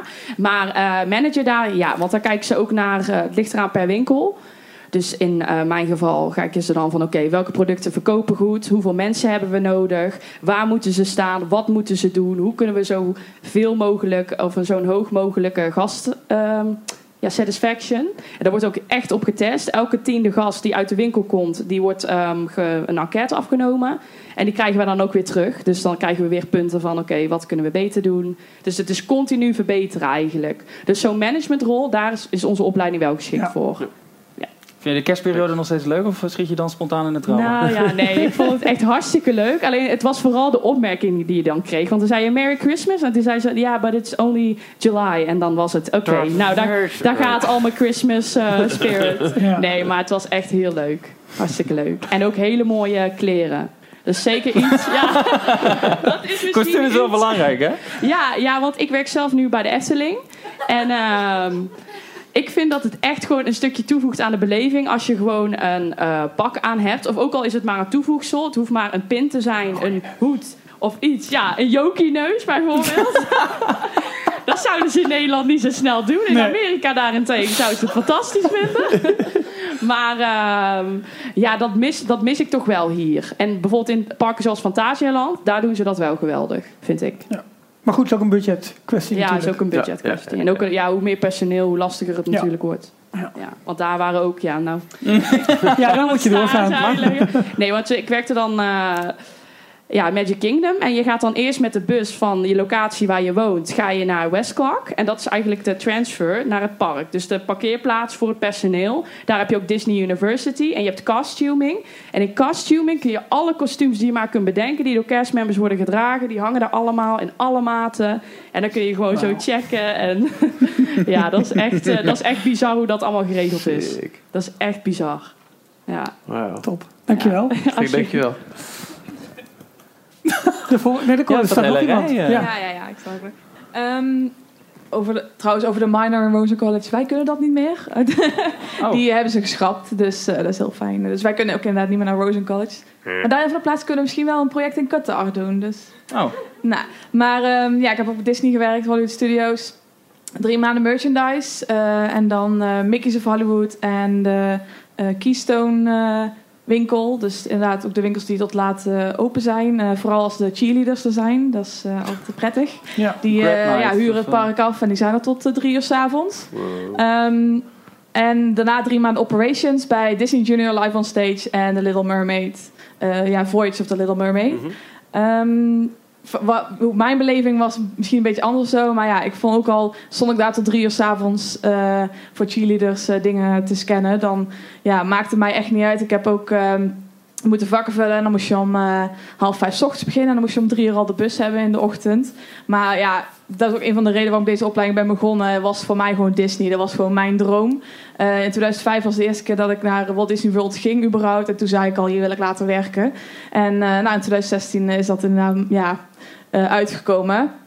En ja, inderdaad, ik denk dat het heel erg aan de rol ligt of het inderdaad heel zwaar is of niet. En ehm, mijn communicatie ook met de managers ehm, was ook wel wat gemoedelijker bij merchandise dan... eh, of ja, bij, beide eigenlijk. eh, bij merchandise. Het was echt wel grappig, want ik was toen 25, maar ik had managers die 24 of 22 waren. Dus Ja. het was voor mij heel raar Ja. om eh, ja, daarmee samen te werken en dan naar erachter te komen dat ze veel jonger zijn dan mij. Ehm, en verder, ehm, ja, er zat wel een veel verschil in de merchandise of operations en ook qua eh, managers en wie het allemaal aanstuurt. Dat vond ik wel eh, duidelijk. Bij operations eh, was het wel echt meer dat de manager ook meehielpen en mee, meer meededen met ook de operations zelf. Ehm, en ja, het is natuurlijk heel mooi als je daar later zou willen werken. Dat is natuurlijk mijn volgende droom. Ik zou zeker voor Disney willen werken, maar dan inderdaad maar meer backstage dan echt als operational manager. eh. maar dat eh, word je hiervoor ook voor opgeleid. Je kan echt alle kanten op. En eh, ook al is deze opleiding heel specifiek, omdat het best wel, ja, het dierentuinen, attracties, pretparken. Alsnog kan je daar nog superveel mee. Want we hebben ook projecten voor museums bijvoorbeeld gedaan. Dus die kant kan je ook altijd nog op. Dus voor iedereen zit er wel wat in. En daardoor maakt het ook inderdaad uiteindelijk wel dat je als je afgestudeerd bent, dat je nog heel veel keuze hebt en ook heel veel baangarantie. Top, top. Nou, dankjewel. Ja.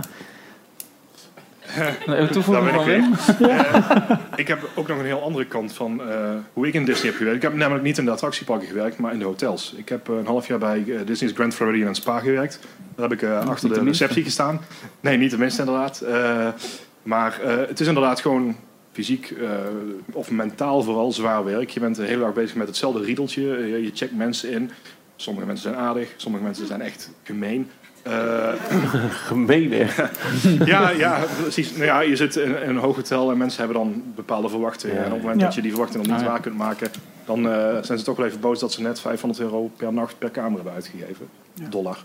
Ehm, maar de hotels, dat is net zo'n interessante ervaring. Eh, ik zou het werk niet permanent willen doen, maar ik kan het wel iedereen aanraden om ehm, gewoon zes maanden daar te gaan werken. Je krijgt zo'n mindset mee van hoe het daar allemaal gaat. Eh, van de visie die ooit door één man is verzonnen, hoe die helemaal door is gecijpeld tot op de laatste, laagste plaatsen van het bedrijf. Ehm, en constant wordt benadrukt dat jij, ondanks dat je op de laagste positie in zo'n bedrijf werkt, een verschil kunt maken voor die ene gast. En eh, door een keer vriendelijk te lachen, door eh, net iets extra's te doen voor een gast, maak je die ene gast al blij. En dat is uiteindelijk waar het om gaat. om voor je gast een fijne tijd te bezorgen.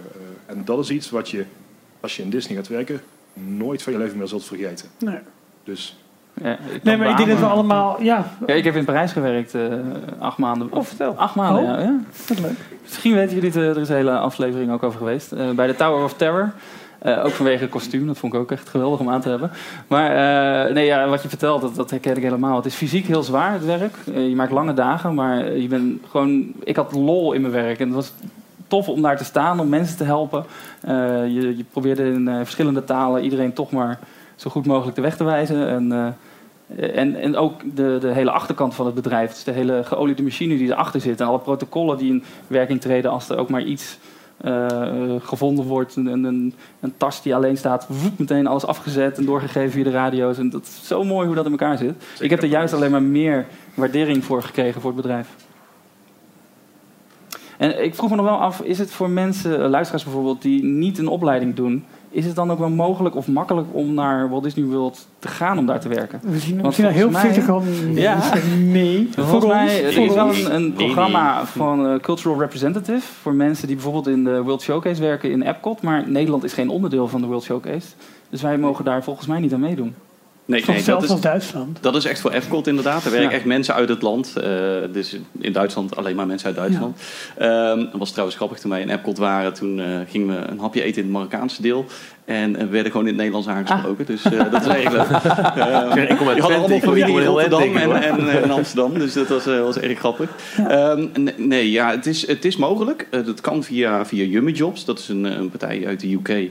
En eh, dat is vaak voor drie maanden. En dan kun je dus een, een zomer lang in, eh, in, in de parken werken. Ehm, dat kan. Om echt daar voor een half jaar naartoe te gaan, eh, gaan onze studenten daar op een studentvisum naartoe. En dat betekent dat ze verbonden zijn aan een Amerikaanse universiteit. Nou ja, Dat is Central ja. Michigan University. Dat klinkt gek, want Michigan is helemaal in het noorden. Ehm, maar ze hebben daar op de locatie in Orlando een aparte dependance. En daar geven ze dus... eh, En, en hebben je als stafnummer ook eh, de, de Michigan University op je, eh op je name tag staan? Nee, nee, nee. Wel? Nederland. Rotterdam, ja? Ja. In, in Michigan heb je nog wel dat Holland Park. Holland. Michigan. Ja. Ja, precies. Dat weet ik dan weer. Zo. Goed, hè? Nee. Ja. Nou goed. Oké, dankjewel. Ehm, ja, we, even, we moeten echt gaan afronden, want eh, we, gaan, we, we gieren Oh, over de twee uur heen hoor. Zo. Mensen vallen hier in slaap. Niet? Top. Ehm, nou ja, eh, ik, ik kan hem wel gaan, gaan voorleggen. Ja, jij, nou, eh, ik, ik ben benieuwd wat jullie ehm eh, stellingname is in de vraag: heeft de, de huidige stand van de techniek of de, de toepassing van technologie in de parken, is dat een zegen of juist niet? En ik zal hem eventjes toelichten. Je kunt nu je fastpassen van tevoren boeken, je hebt je, je bandjes. Eh, Disney World is nu begonnen met het uitrollen van mobile ordering bij de restaurants. Dus je kunt al voordat je naar het park toe gaat, of als je in het park bent, kun je al zeggen: hey, ik wil in Pandora wil ik in Satuli Canteen wil ik dat en dat eten. En als je daar aankomt, dan herkent hij je. eh, ben je er nu? Ja, oké, wordt nu bereid. Dus is dat een zegen of is dat een vloek? En ik wil daar gewoon van een aantal mensen even een antwoord op, uh, nou, en nog weten. één voorbeeld wat ik er ook even in vind passen. Met een VR-bril in een achtbaan gaan zitten.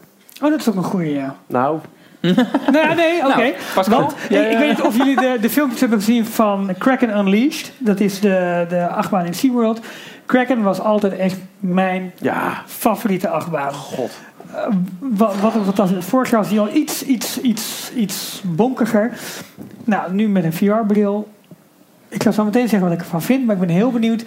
Technologie in al zijn algemeenheid, en de vraag is veel te breed, ik weet het, maar ik wil van een aantal mensen horen die we nog niet aan het woord hebben gehad. Eh, wat, wat jullie mening daarover is. En neemt technologie ook een, eh, daardoor een steeds grotere rol in eh, op deze opleiding? Moet je bijvoorbeeld inderdaad gewoon rekening houden met, ja, wat kun je met, eh, met, met AR en VR? En moet je misschien wel het, het, het nou, bouwen, maar in ieder geval het volledig eh, ehm, gebruiken van een app voor het ehm, eh, reserveren van je ervaringen goed kunnen doorgronden? hi, mijn naam is Anneke, Hey. Hey. eerstejaars. Ehm, dus eerst eh, met technologie in het park. Eh, ik had tot vorig jaar geen smartphone, dus het was een beetje lastig als je in een pretpark komt en je kunt niet de app gebruiken en zo. Maar je Dus komt wel sneken in de wachtrij. Ja, of Sudoku. Ehm, ja, dus ik vind het wel belangrijk dat als er meer technologie komt, dat de parken het zelf ook aanbieden. Eh, de wi- wifi in de park. Eh, zoals bijvoorbeeld in Disneyland Parijs dat het eraan komt. Ehm eens kijken. En eh, in de opleiding, eh, ik heb maar zes projecten gedaan. Ik zit ook pas in het eerste jaar. Eh, en in ieder project moet je ook je, de trends analyseren. En er komt altijd virtual reality en augmented reality in voor. En dus ik verwacht dat het ook gewoon constant in de projecten terugkomen. En wat vind je er zelf van? Van bijvoorbeeld VR, AR in de parken? Ehm, ik zou het wel heel graag een keer proberen om met een VR-bril in, ehm, eh, in de achtbaan te zitten. Eh, de eerste keer dat ik een VR-bril op had was ook in Walibi, toen ik de Neurogen eh, Experience uitprobeerde. Eh, en het is toch wel een unieke experience. Ehm, maar er moet gewoon een goede balans blijven tussen de normale achtbanen en de VR-achtbanen. Oké, dankjewel. Ja, ik vond het een heel opvallende keuze. Dat was vorig jaar op, op het hoogtepunt van de, van de Pokémon-rage. En dan zag je af en toe tweets van Walibi. We zetten een lure aan bij Goliath. En dan Ja. ben je in een, in, een, in, een, in, een, in, een, in een themepark. Om vervolgens Pokémon te gaan vangen naast zo'n topachtbaan. Ja. En Wil je onze het- mening ook horen of, eh, of niet? Mm, Liever niet, maar je bent er nu toch, Jorn, dus zeg maar wat jij ervan vindt. Je bent er toch. Nou, ik vind het wel interessant, want eh, AR dat zie ik nog best wel als toevoeging. Want dat is ook letterlijk een toevoeging aan de bestaande wereld om je heen. En Ja. eigenlijk is een pretpark of een themapark zoals een Disneyland is al virtual reality. Dat is al niet echt. Dat is al helemaal gecreëerd. Oh, diep. Helemaal perfect gemaakt. En eh, ik vind juist die, die combinatie van eh, technologie of iets over de, de echte nagemaakte wereld heen leggen, die vind ik wel heel interessant. Maar om nou echt met Ja. zo'n bril daar te gaan zitten, dat zie ik niet echt. Dat kan je thuis ook doen. Komt iemand helemaal uit België lopen? Ja. Hallo, Robin, eh Vlaming, dus eh, een van de enige, denk ik, hier in de opleiding. Ehm, om verder te gaan, wat u vertelde ook over augmented reality. Ik denk dat wij, en zeker wij als toekomstige en ook al teampark managers, meer moeten gaan focussen om dit te gaan implementeren. Zeker als we kijken naar wachtrijen toe. Augmented reality is iets waar we daar echt kunnen in gaan toepassen. Daarnaast VR, vanaf stappen. Kijk, wij hebben, wij hebben echt... Eigenlijk, wij zijn hier de toekomst, zeg maar, een deel van de toekomst. Maar eh, wij moeten een mooie weg gaan vinden tussen zowel technologie als het, de realiteit. Want als VR de leisure-industrie gaat overnemen, waarom heb je dan nog themaparken nodig? Ja. En dat is iets waar wij echt in moeten gaan voortwerken en kijken waar gaat dat in gaan passen. Daarom dat ik zeg, augmented reality past eigenlijk beter daarin, omdat je nog altijd eigenlijk de realiteit gaat combineren met het virtuele. En dat is eigenlijk een beetje die tussenweg die wij echt eh, moeten op gaan verder gaan, want eh, anders, eh, ja. Oké, nee, duidelijke, dreigend, duidelijke hè? mening. Ja, top, dankjewel. Max Absoluut. wil daar iets wil daarop reageren. Nou ja, j- jullie zeggen van ja, een, een laag over een bestaande laag heen leggen en augmented reality zo. Ja, dat bestaat natuurlijk al heel lang en dat is in Haunted Mansion natuurlijk, de Pepper's Ghost. Ja. Dus ehm, die, ja. Bam! Mic drop. nee, maar en, en verder eh, is, is wat hij zegt, slaat natuurlijk eh, is helemaal correct. Ehm, Slaat natuurlijk. Is helemaal correct. Ehm, ik denk ook dat, dat een gevaar juist is als je nu gaat inzetten op virtual reality. En wat je nu al ziet is dat eh, een park als Europa Park, die brengt dan een app uit waarmee je de achtbaan thuis kunt bereiden. En dan denk ik van ja, maar dat is dus echt wat je juist niet wil. Heeft de Efteling ook gedaan met Baron 1898. Een, een 360 graden video op YouTube gezet. Ja, klopt. Maar dat is dan, vind ik, wat anders. Want dan zie je de echte ervaring thuis. Hoe het, hoe het, maar dan wil je de echte ervaring wil je daar beleven. Maar Europa Park heeft echt de, de virtual reality filmpjes op, op, ja, op, op een app gezet voor Oh, thuis. zo, oké. En dat denk ik dan van ja, dat is niet wat je wil. Want je wil juist dat die mensen naar je park toe komen.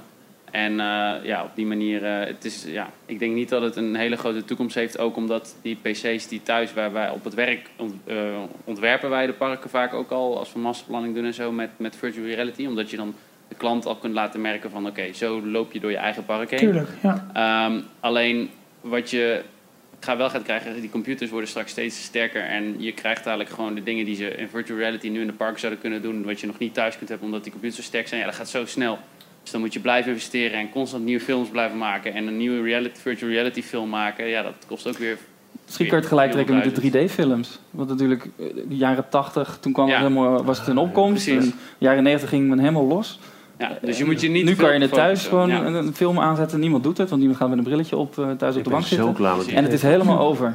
Ja. Zou dat virtual reality ook... Dat denk ik wel, maar virtual reality heeft gewoon heel veel andere toepassingen, maar niet voor de pretparken, denk ik. Want juist dat, wat, wat je in een pretpark hebt, is je, biedt een ontsnappen fysieke product. Ja, je reality, biedt, ja. Maar je biedt een fysiek product aan wat je juist daar alleen hebt. En dat is het hele ding van een pretpark. Je, je businessmodel draait erop dat jij iets biedt wat alleen daar is. En wat je juist niet thuis kunt hebben. Ja. Dus ja, als je dat blijft doen, dan blijf je denk ik nog wel een toekomst eh, zien. Een toekomst voor de industrie ook. Maar als je, dat, als je daarvan af zou stappen, dan zou het juist gevaarlijk worden, denk ik. Ik vind het heel gezond om te horen van de mensen die hier dan deels de toekomst van de industrie gaan eh, bewaken de komende jaren, dat die er zo gezond over denken. Absoluut. En, en, Lekker. en waar wij het voor mij heel erg mee eens zijn ook. Ja, ja, zeker. En ook in de, in de YouTube-chat. eh, applaus voor de sprekers. Eh, ik denk dat we daar ook mee gaan afsluiten met applaus voor de sprekers. Als in bedankt voor eh, jullie aanwezigheid, voor jullie eh, geduld. Ehm, en, en voor de gastvrijheid. eh NHTV in eh, Breda. Ehm, d- ja, ik spreek daar volgens hier. Ja, ik vond het- super ik vond het heel spannend, maar ik vond het echt heel erg leuk. Ik vond het ook hartstikke leuk, ja. Ehm, gaan wij nog het standaard rieltje af. Tot zover deze aflevering van Details. Aflevering 68. Volgende week zitten we weer gewoon thuis. Jee. Hebben jullie volgende week iets te doen? eh? Ehm, vond je het een leuke podcast? Eh, je kunt je altijd abonneren. Hè? Dat doe je in de, de iTunes Podcast Store. Je kunt het doen in je favoriete podcast app. En ehm, ook op YouTube zijn we elke week waar mogelijk live. En is ook de hele aflevering terug te kijken. Dus abonneer je ook op het YouTube kanaal om niks te missen. Oh ja, Dit was- nee, Ja, niet, dit was. We moeten nog even melden dat wij al die foto's hebben gekregen van Tim. Over dat Disney Zand, eh, dat, dat doe- deze week online komt. Nee, maar jij kan het beter, want jij hebt daar ervaring in. We hebben allemaal foto's. Eh ehm detailsluisteraar Tim eh, was bij het, eh het, het zandsculpturen, zandsculpturen eh, eh, festijn in België. En heeft echt een shitload aan foto's gestuurd. Maar echt heel veel. Heel veel. En die gaat er al allemaal online zetten deze week. Ja. Dat Dus dat, het. ja. Dankjewel Tim. Eh, bedankt voor je aanwezigheid en tot volgende week. Tot volgende week. Tot zover deze aflevering van Details. Check d-log.nl voor meer afleveringen.